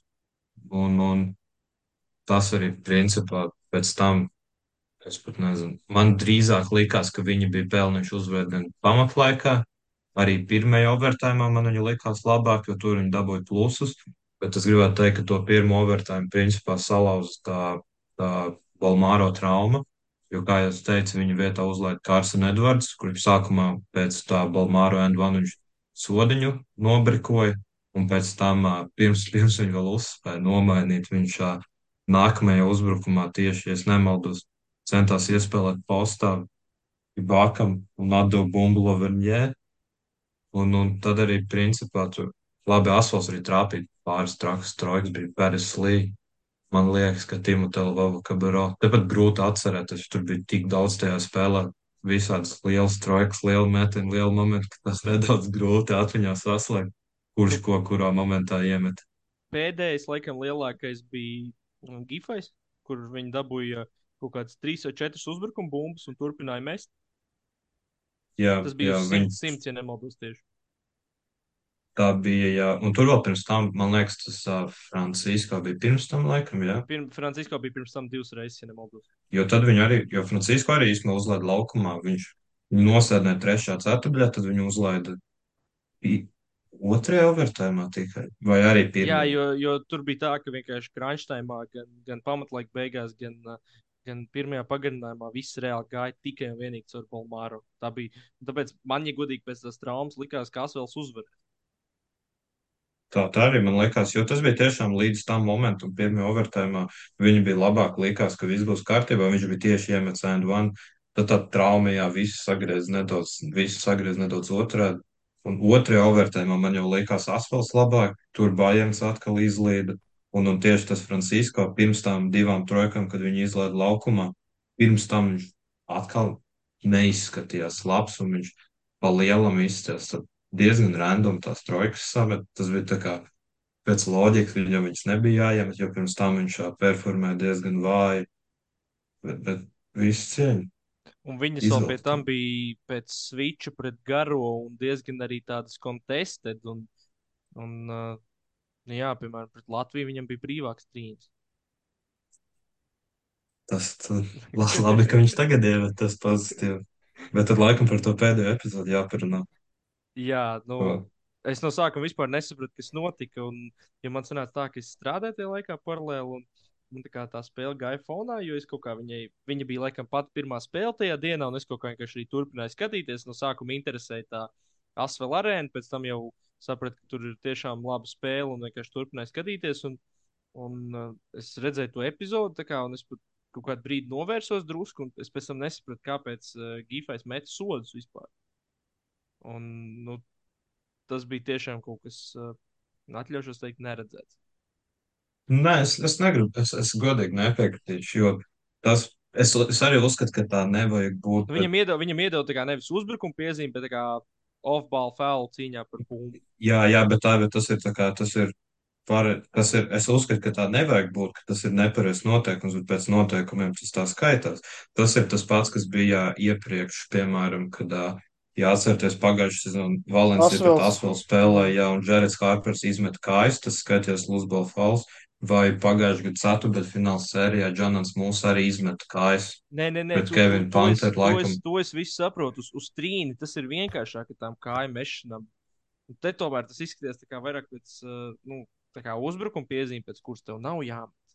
Jā, es arī par to pašu. nē, tas, uh, vien, nē, bet tas vienkārši tas, ka tad, ja bumba nav vairs tā, viņa pamata uz tavas rokas, tad tas vairs neskaitās mētēnā. Es, es arī uzskatu, ka tas nav pareizi, bet tā, tas man liek, tas skaitās laikam pēc noteikumiem pareizi. Tam tā uz, uz, nevajadzētu būt, uz, bet uz, tā, uz, diemžēl, uz, ir. trī, uz trīni ar tām kāju mešanām. Es saku, es to visu saprotu, jo jo tas tā tomēr ir bijis cita opera. Nu, it īpaši tagad, pēc tiem zāles pačūlīs izgājieniem, tur NBA, tad šitam baigi pievērš uzmanību un visu laiku skatās to tavu cilindru un, un kur tavs kājas ir. Un bija taču arī tikko vefam tā situācija ar dairi no tās stūra un, un viss tas. tā Kā, nu, tur šitam tiešām ļoti pievērš uzmanību, bet tā no apakšas šitais bija kaut kas tā kā, jā. Jā, Jo bet- te jā. tiešām likās, ka tā tīra uzbrukuma piezīme. Nu, jā, jā, problēma jau ar- par tām kājām un viss. Nav jau problēma ar to, ka ir svilpa, bet uh, vienkārši tas, ka ir divi metieni otrā galā, tas, tas man liekas. Jā, jā, jā, tieši tas. Jā, Joci, jo-. Ok, izmet kājas, iespēja, jā, ok, uzbrucējiem piezīme, nevajag spārdīties, viss kārtībā, bet tas, ka ne, uz otru galu mēs ejam un metam metienus, tas liekas, es nezinu, tas liekas vienkārši dīvaini. Nē, nu, ja tas ir cīņā par, par rebound, kur tā kā iesaistās. Tad, jā, bet, piemēram, ja bumba jau tur ir atlikusi, jā, vai Jā, tam jā. līdzīgi, bet šajā mirklī Džofrijs Lavēnis, viņš met, viņš met to floateru un bumba lido uz grozu, bumba vēl nav pat nu, stīpa, tad pieskārus. Valsts jau pareizi tā, kā Un ir tajā mirklī- situācija kā, kā ar tām kājām, bet vienkārši jā, es piekrītu. Man liekas, Nē, tas ir nereāli dīvaini, tā nevajadzētu būt, bet nu, tā, pēc noteikumiem nu, tā, tā nav tiesneša kļūda, diemžēl. Tā vienkārši tur noteikumu, manuprāt, vajadzētu mainīt. Es nezinu, ka pēc metiena tu to pat, ja bumba lido, tu to skaiti tāpat kā uzbrukuma piezīme, nevis kā lūzbola faula. Piemēram, ja skaitītu lūzbola faulu Es nezinu, jo tas ir tieši par metēju. Tā kā, ja citi, piemēram, es nezinu, sāk kauties, kad bumba ir izmesta, ok, tad tu dod vienkārši losbalu faulu, tas ir citādāk. Bet, piemēram, Bet, uh, metējam dot, tas liekas vienkārši, tas liekas muļķīgi. Bet ir taču samērā bieži tādas situācijas. Es zinu, ka, ja nemaldos, bija Arthurs Šēnhovs, kuram nenormāli nepatika šīs piezīmes, un es ļoti labi saprotu to viņa punktu, kur, piemēram, nezinu, piemēram, izveidojas kaut kāda situācija, kur tev ir divi pret viens pārsvars. Nezinu, nu, pie, visdrīzāk kaut kāds ātrais uzbrukums vai, vai kaut kāds caurgājiens, kur pēc, nezinu, pēc pikantrola, kur tu uzņēmis ātrumu, un, un tu nomet piespēli, piemēram, un, uh, un nezinu, pieņemsim, ka tas ir garais, kurš pabeidz metienu. Uh, bet tu to arī vienkārši inerces dēļ turpini skriet un uzskrien virsū aizsargam. Un pat tad, kad man liekas, ka pat tad, kad garais ir pieņemsim, ka viņš paspējas izmest, nezinu, uzmet alīju, piemēram, viņš ieliek dāngu vai kaut ko. Uh, tā ir vienkārši uzbrukuma piezīme. Jā, es vienkārši arī gribu pajautāt, kā tiek interpretēta piespēle. Es, piemēram, pats tagad varu atceros situāciju. Es eju vienā no pēdējām spēlēm caurgājienā, es palecos un es lecienā dodu piespēli. Un man apakšā ir spēlētājs, kurš zina, ka es viņam piezīmēšos virsū un dabūs čārģi. Ja? Es atdodu piespēli, viņš dabū čārģi, es pēc inerces uzlecu viņam virsū. Tas ir offensive falls vai tas ir looseball falls, ja es dodu piespēli. Tas tas pats, ko Laverņa izdarīja, Nē, nu... Falter, bet es atdevu piespēli. Teorētiski sanāk norma arī divu metienu jābūt otrā galā. Vai... Es vienkārši nesaprotu. Te, te, teorijā, teorijā jūs tā kā saglabājat bumbas kontroli. Teorijā, jo ir piespēle, jā? Jā, tā jābūt. Ah, ja metiens, tad tev nav kontroli un ir looseball, jā? Nu, tā kā tad jā. tev principā, tev pat principā sanāk tā, ka Ja tu zini, ka tu to čārģi dabūsi, nemet, nemet grozu. grozu tas, tas, ir, tas ir ļoti interesanti vienkārši. Tu saproti, vajag... varbūt iedos čārģi, nomet stūrī kādam piespēli. Mums vajag kādu reizi piesaistīt kādu augstu līmeņu tiesnesi uz podkāstu. Padiskutēt par kaut kādām šādām lietām, atrast kaut kādus tādus gadījumus. Jo vēl viens skandalos gadījums bija, par kuru mēs jau, jau čatā pietiekami izrunājāmies, bija uh, Uh, nu, es, es tā pāriešu uz, uz nākamo spēli. Bija Belgradā starp uh, Makabiju un, uh, un Barcelonu. Uh, tur bija situācija tāda, ka Antonijs Clevelands izsita no, no uh, bija galauts un, un deva piespēli uz apakšu, un viņš izsita bumbu Oskaram da Silvam.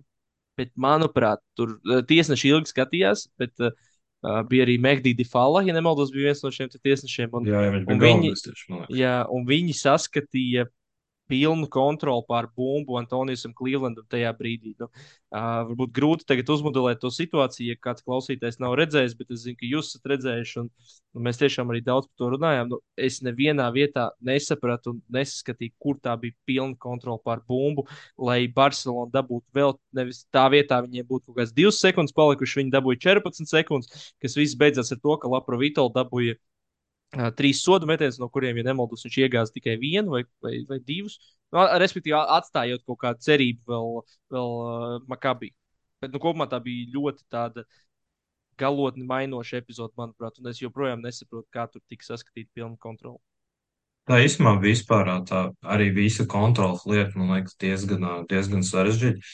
Jo, ka šī tā nebija tā lieta, piemēram, standartā, es nezinu, ja tu dabū bumbu abās rokās, tā skaitās kontroli, bet tad tur tāpat paliek vieta interpretācija. Piemēram, es nezinu, tu ķer rebound un lido līdaciņa autā. Tā skaitās kontroli. Nē, nu skaties. Es teiktu, ka nē. Šajā gadījumā. Kā, Jo, Nē, jo šitajā, gadījumā... tieši šajā Cleveland citādāk ir kopumā par kontroli kā tādu. Tas Nē, jo, jo arī, jo arī, arī, arī Cleveland tajā lietā, ja tam ir Cleveland gaitā, saksim to tā. uh, mēs ar tevi tieši par to runājam, un tu teici, ka, nu, ka viņš it kā izdarīja drību. Bet es tagad vienkārši, tā kā man tas viss salikās, es tagad tā vienkārši atceroties to epizodu, tas dribbles, principā, ko viņš it kā veids, es neuzskatu, ka tas bija bumbas kontrolē. Tas bija, tas bija dribbles, ar ko savā veidā nokontrolēt bumbu, saglabāt bumbu, lai tā neizlido autā. Un pēc tam nu, pamainīt bumbas lidojumu virzienu, lai viņi pasistu uz sānu, un tad tajā brīdī viņu noķert. Bet viņš pat nepaspēja noķert to bumbu divās rokās, jo viņš vienkārši izkāpa autā. Bet viņš nemaz nemēģināja ķert divās rokās. Nu, viņš ja, nē, nu, jā, turpināja driblu. Nē, nu, pieņemsim, ka viņš, teiksim, būtu centies noturēt divās rokās. Tad tas pirmais, it kā nosīties dribls, ko viņš veica, bija vienkārši pasist bumbu tādā virzienā, lai viņi vairs nelido autā. Un viņš pats tā kā principā izskrēja caur autu. Un es pat sākumā man pat likās, ka viņi reāli skatās to, vai tur ir auts vai nav. Lai gan tur, tur, tur bija tā situācija, ka auts bija ļoti stabils, bet uh, tieši tajā brīdī, kad viņš bija uzkāpis uz līnijas, nevarēja pateikt, vai viņš tajā brīdī bija pieskāries bumbai. Man liekas, ka varbūt viņš skatīsies, vai viņš paspēs soli iespērt iekšā un tad nokļūt. Tā vietā viņi vienkārši atdeva 14 sekundes. Un par to Man... arī Odets Katašs bija ļoti neizpratnē. Jā, es atceros, mēs par šo, mēs par šo diskutējam.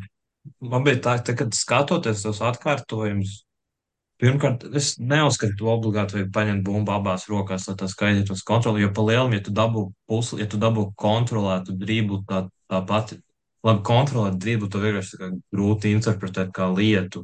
Tā kā, jo, kas, jo es, tas, kas tas nu, vispār ir? Par, par to kontrolēto driblu man vienkārši liekas, ka tas dribls, ko viņš veica, nebija brīdī, kad viņam bija tā, tā kā pilnā kontrole, bet viņš tā kā vienkārši saka, mainīja bumbas virzienu, lai viņu nokontrolētu pilnībā. Man godīgi bija tā, ka es, es atceros, līdzīgi, tas ir līdzīgi tā kā teicu par to līdaciņu. Apmēram. Nu, tas ir varbūt tāds galējs veids, kā, kā dabūt, nu, kā pārvirzīt kaut kur bumbu, lai viņi nokontrolētu, teiksim, iemest atpakaļ laukumā, lai tavu komandu dabūtu kontroli. Bet šis tāds vienkārši tā kā maigāks veids, nelecot līdaciņā. Bet idejas kaut kas tam līdzīgs. Tur bija tā, ka tā kā, tas pirmais, kas pirmais noteikti neskaitās dribs tā, ka viņš viss ir ārā. Bet tas otrais, Otrais bija tā, ka tas otrais dribbles viņš paspēja piedriblēt pirms viņš izkāpa autā. Un kad es skatījos to kameru, kas bija kā, aiz groza, man sākumā likās, es, man sākumā likās, ka tā ir kontrola. Bet tad, kad to parādīja, es nemaldos, no tā bija sideline kamera, nu tā parastā TV broadcast kamera, ko rāda, tur izstījās, ka tur viņš īsti vēl nebija. Jo tur arī nedaudz sarežģīti īstenībā ir interpretēt pareizi, jo Es uzskatu, ka kā, jā, tev nevajag obligāti nokontrolēt abās rokās, bet, ja tu pietiekami kā, to driblu arī var nokontrolēt bumbu, tad tev principā vajag mēģināt noķert to brīdi, kad spēlētājs teikt, beidz skremblot, un kad viņš ir tiešām dabūjis kontroli par bumbu. Vienkārši to driblu ir nedaudz grūti izdarīt, īpaši šādā situācijā. Es gan piekrītu, ka tur nebija īsti kontroli. Jo tur tas otrais dribbles tāpat bija tāds zelta, un viņš mēģināja izvairīties. Tur bija tas ilgi. Man liekas, Lapa Vitāla bija blakus. Tur viss publika bija. Un, un... Bet, bet tajā, tajā brīdī Makabī bija mīnus viens, ja, ja es nemaldos. Vai bija Nīča? Nē, bija mīnus viens, jo bija tāda Lapa Vitāla un sodiņš. Tieši. Jo, nu, nu, ir, man liekas, pavisam cita situācija, vai tu. E nu, pie tā mīnus viens viņiem būtu, pie plus viens Barcelonai viņiem būtu ne, 14 sekundes uzbrukumā, bet divas ar kaut ko. Nu, tur arī Makabī, man liekas, pavisam savādāk eh, reaģē un spēlē aizsardzību. Nē, tas, not, tas noteikti to ietekmē. Bet vienkārši tā epizode pati. Nē, taisnība. Vienkārši tas, ka tā pati epizode. Es, es tā kā arī sliecos to, ka tā nav kontrola, bet tas nav, manuprāt, tik, tik ļoti viennozīmīgi. Es, var, es, es iespējams redzu punktu, kāpēc, kāpēc kā tiesneši to tā ieskaitīja. Es pats līdz galam nepiekrītu, bet tā varbūt, manuprāt, nebija tik ļoti viennozīmīga vienā virzienā. Kļūda Jā, nē, es piekrītu, vienkārši viņi arī nenormāli ilgi skatījās, un es vienkārši tajā brīdī vispār nesaprotu, kāpēc ir pieņemts tāds lēmums. Es biju par simt procentiem pārliecināts, ka nav pilnīgi nekāda kontrola par bumbu. Bet uh, varbūt vēl, vēl pirms noslēdzam epizodi bija viena spēle. Uh, arī laikam tajā pašā vakarā bija uh, Milānas Olimpija pret uh, Belgradas Cervena zvezda. Uh, nē, tas nevarēja būt tajā pašā vakarā. Jo, ah, nē, viņi spēlēja Nikolīču halē, tad tas varēja būt. Nu, labi, nā, tas nav būtiski, bet uh, uh, es man liekas, jau otro epizodi pēc kārtas vaicāšu, vai, vai tā ir tā kā statement spēle no Milānas jūsuprāt. Jo es gribētu uzsvērt to, ka uh, Pirmkārt, šajā spēlē parādījās Jordāno Portugāni. Beidzot, parādījās tādā līmenī, uh, kādā mēs viņu gribējām redzēt. Nu, ne, grib, ne mēs gribējām, bet vienkārši kādā vispār basketbola sabiedrība gaidīja viņu redzēt pēc tās Trevizo sezonas, kur viņš bija Champions League labākais jaunais spēlētājs. Viņš tur otrās ceturtdaļas sākumā norganizēja izrāvienu un kaut ko arī, arī iemet pēc tam, jau, kad spēle bija beigusies. Bet, respektīvi, samērā jauns itālis tika pie minūtēm un, un pavadīja labas minūtes laukumā. Uh, ko bija vienkārši patīkami redzēt. Un uh, vispār tas fakts tāds, ka Milāna Belgradā otrajā puslaikā norganizē divus izrāvienus, Viens no tiem bija 12-0, otrs bija 18-0, ja nekļūdos. Uh, tāpēc, jā, vai, vai šis ir kaut kāda veida statements no Milānas? Ko jūs teiksiet? Es godīgi visu cieņu Survēnu zvezdu vienībai, visiem viņu faniem Latvijā. Es zinu, ka tāda ir. Uh, nē, jo tā Survēnu zvezda pagaidām es neuzskatu, ka ir rādītājs. Viņiem ir 3-7 bilants 3-7, tagad. jā. Bet viņi arī pārbrauc pāri Valencijai, kas tobrīd vēl bija ar, uh, ar pat ļoti pozitīvu bilanci. Nu, tā taisnība, bet es domāju, ka pagaid, pagaidām šī Survēnu zvezda nav komanda, pret ko tu izdari statements. Statements var izdarīt pret uh, Panathinaikos, pret, uh, pret Barcelonu, pret Reāli. Tas ir vislielākais statements, ko tu vari izdarīt. Man liekas, ka Zvezda, diemžēl, vēl nav tā komanda, par ko es tā kā pavisam nopietni uztveršu to, Ok, to labi. Ne statements, bet vismaz uh, nu, jūs sākat redzēt kaut kādas pozitīvākas iezīmes Milānas uh, lainapā. Jo es gan gribētu teikt, ka, ka pie tā veida, kā Milāna šobrīd cenšas spēlēt ar tiem garajiem, viņiem, piemēram, uh, Zvezda bija diezgan parocīgs pretinieks, jo tur viņiem trešo spēlēja Davidovats, četri bija. Kas tur Luka Mitrovičs, un pieci bija, nu, vai tur Tobijs vai Bolombojs, vai, vai kurš atkal katrā reizē. Un es gribētu teikt, ka ja tev ir pa trešo numuru Dejans Davidovs, tad tev arī Nikola Mirotičs ir uh, ļoti ērti pa trešo numuru, gan uzbrukumā, gan aizsardzībā. Tā taisnība. Arī, arī Malda Loja atzīmē. Viņš visu laiku rezultātīvāko spēli vāciešu izpildījumā aizvadīja Eirolīgā. Šis man diezgan iespējīgs rekords. Viņam vairāk ir bijuši vāciešiem visu laiku arī savas komandas ar saviem vāciešiem. Visi cieņi vēl par to.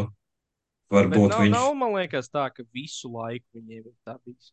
Es tagad turbūt Nu, nē, nu, viņam, jaucu. bet man liekas, ka viņam parasti ir kaut kas, ko, nu, pēdējos, es nezinu, desmit gadus Nu, jā, noteikti vismaz viena viņiem ir. Nē, Vai tā tā grosa vai, vienkārši- nu, vienalga, kur, bet kaut kas ir. Nē, vienkārši tas, ka vispār Vācijas komandas kopumā vienmēr ir bijušas uh, tādas uh, leģionā, ap leģionāriem veidotas. Nu, arī tā pati, uh, tāpat Bamberga ir Jānis Strēlnieks ziedu laikos, un tur tāpat visu rezultātu taisīja leģionāri. Tāda, tāda vāciskāka komanda laikam ir, ir Alba, bet tur arī, principā, tās centrālās figūras parasti ir ārzemnieki. Bet, jā, Bambergā arī tur tagad bija, Daniels Tais bija pietiekami labs, bija Jā, bet tagad, cik, tu, cik Bartels, daudz, man cik, cik daudz super rezultātu spēles tu redzi no garo spēlētāju izpildījumā, tādu centru, tādu lielu centru, kā Daniels Taisīs, piemēram. Tā taisnība, bet vienkārši, nu, tagad, Nē, nē, ja tu spēlē vairākus gadus, man liekas, tu vari kaut netīšām vienā spēlē, tev pēkšņi kaut kas ir, tas pats tais vēl ir metēs, jo nav tīri tā kā, nu, Eiropā viņš pilnībā tradicionāli. Nu, kaut ko vai tad jau nesāk, es varbūt nē, man nē, Eir- atmiņā. Eiropā, Eiropā, man liekas, viņš toču nemet. Tāpēc, ka nebija vienkārši, nezinu, Heiko Šafarcikam nedēļa iespējas pieļaut kā mazajam tobrīd Eirolīgā. Es nezinu, viņa CV varbūt viņš spēlēs, vienkārši atceros viņu no leģendārās 2009. gada spēles.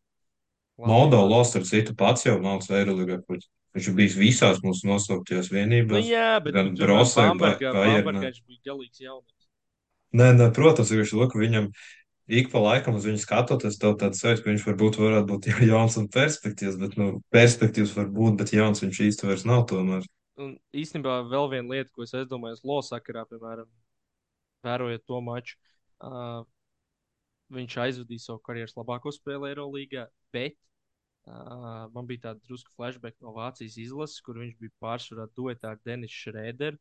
Es tā vienkārši aizdomājos, ja, piemēram, tas Kevina Pangos varbūt ne gluži eksperiments, bet vienkārši tas, tas viņa cikls Milānā, ja viņš tajā brīdī būtu strādājis, tad uh, man pat laikam ļoti patīk tas fits, kur Lo ir vairāk tāds tā kā secondary ball handlers kopā ar tādu izteiktāku ball dominantu mazo un, vairāk darbojās bez bumbas un, un, un ir tāds tā kā react džeks, kurš, kurš uh, konkrēti, teiksim, nu, dabū bumbu un uzreiz kaut ko, kaut ko risina, veido. Nevis tur, kā šobrīd viņam biežāk, bieži sanāk, ka viņam ir jāveido viss, teiksim, no nulles, pašam jāved tā bumba pāri. Un, un līdzīgi arī Al Albā bija tā, ka viņi ar Dželīnu Smitu tur tā viens otru papildināja, kas tur vēl par kaut kādiem mazajiem bija. Tad no, no Vācijas izlases vienkārši tā- tāda sajūta, ka, ka viņš diezgan labi iet kopā ar tādu dominējošāku mazu ar bumbu. Nu, te Mesīnas kungs jāvēl. Viņš gribēja parakstīt visus power forwards, bet neviens saspēļ, ka viņš vainīgs. Nu, atkal jāsaka, Mirotičs viņiem iegrūda rokās. Nē, nu, protams, Mirotičs iegūda pārējos septiņus, neviens viņam neiegrūda tomēr. Jā, bet piemēram, ka Ruso nespēlē gandrīz vispār, arī jāsērijā nespēlē pavisam principā. Tas šitais īstenībā ir labs, tas varbūt citai tēmai un citai dienai, bet es to īsti nesaprotu, kāpēc, eh, tie, piemēram, itāļu lielie klubi, viņi paraksta, nu, piemēram, ka Ruso viņš bija, laikam, neatceros, viņš bija Pezāro, Pezāro viņš bija Varēzē, vienā no šīm komandām, man liekas, Varēzē. Moši, pez, labi, nav svarīgi vienā no šīm divām. Uh, viņam bija ļoti laba sezona, tāds, principā, tā kā izlaušanās gads. Viņš teorētiski varētu turpināt progresēt. Viņu paraksta Milāna. Tas pats, kas bija ar, ar Port, Bortlānī, bija, bija man resā pēc, pēc Trevizo gada, bet viņš bija kā Milānas īpašums, ja tā var teikt. Uh, viņi it kā paraksta uz džekus, kas būtu ka gatavi spērt nākamo soli. Viņi nedod viņiem iespējas necik, pat arī uh, vietējā čempionātā. Varbūt agrāk tā nebija, un tā ir tikai tāda pēdējo laiku tendence, bet man vismaz tā liekas. Nu, man, man grūti pateikt, es tam Itālijas līgai tik daudz neesmu pievērsies. Tā, bet tīri no tādas Milānas perspektīvas, domāju, ka ir svarīgi, lai tas uh, Loviņiem spēlē labi ar bumbu, jo viņam vajag kādu mazo, kas labi spēlē. Un, uh, Protams. Tagad, kad nav pangos, un tā jau viņam tā, jo viņam ir smag, smagnai komanda daudz no posta, un tad vajag, lai ir kaut kāda šilts un lola ir labi perimetrā. Un vienkārši atgriežoties pie tā, uh, ka jā, pozitīvas iezīmes es redzu par iepriekšējiem jautājumiem, ka viņi tagad spēlē labāk nekā tu, piemēram, divas nedēļas atpakaļ, bet uh, ar vienu uzvaru gandrīz visi, kam nav slinkums, tā kā tas vēl nav rādītājs. Un, uh, nu, redzēsim, bet Milāns sāk pamosties, tas ir labi. Un, uh, jā, bet par to Itālijas līgu tur es tiešām es neesmu tik daudz pētījis. Nē, kā. tas, tas vairāk tāds mans pārdoms. Liekas, kā, nu, teiksim, nav pārāk daudz to tādu gadījumu, bet liekas, varbūt drusku kā tāda tendence. Es nezinu, nav man pietiekami daudz datu, lai es izdarītu konkrētu secinājumu. Vienkārši liekas, tas varbūt drusku novērojams. Bet jā, tas laikam viss šai nedēļai. Būtu vēl kaut kas no jums, ja nē, tad Man liekas, viss pateiks. Labi, paldies. Tiešām milzīgs respekts ikvienam, kurš tiek šī tik tālu. Tā kā liels paldies, ka jūs mūs klausāties. Uh, jā, uh, es šo saku, kad vēl video nav publicēts, bet video tiks nopublicēts. Un tad uh, lēnām kaut kā mēģināsim attīstīties un iet uz priekšu, un varbūt piedāvāt kādu video saturu no mums. Tā kā jā, paldies, ka klausījāties. Un visu gaišu ar labu nakti, laikam jāsaka. Jā, ar labu. Paldies!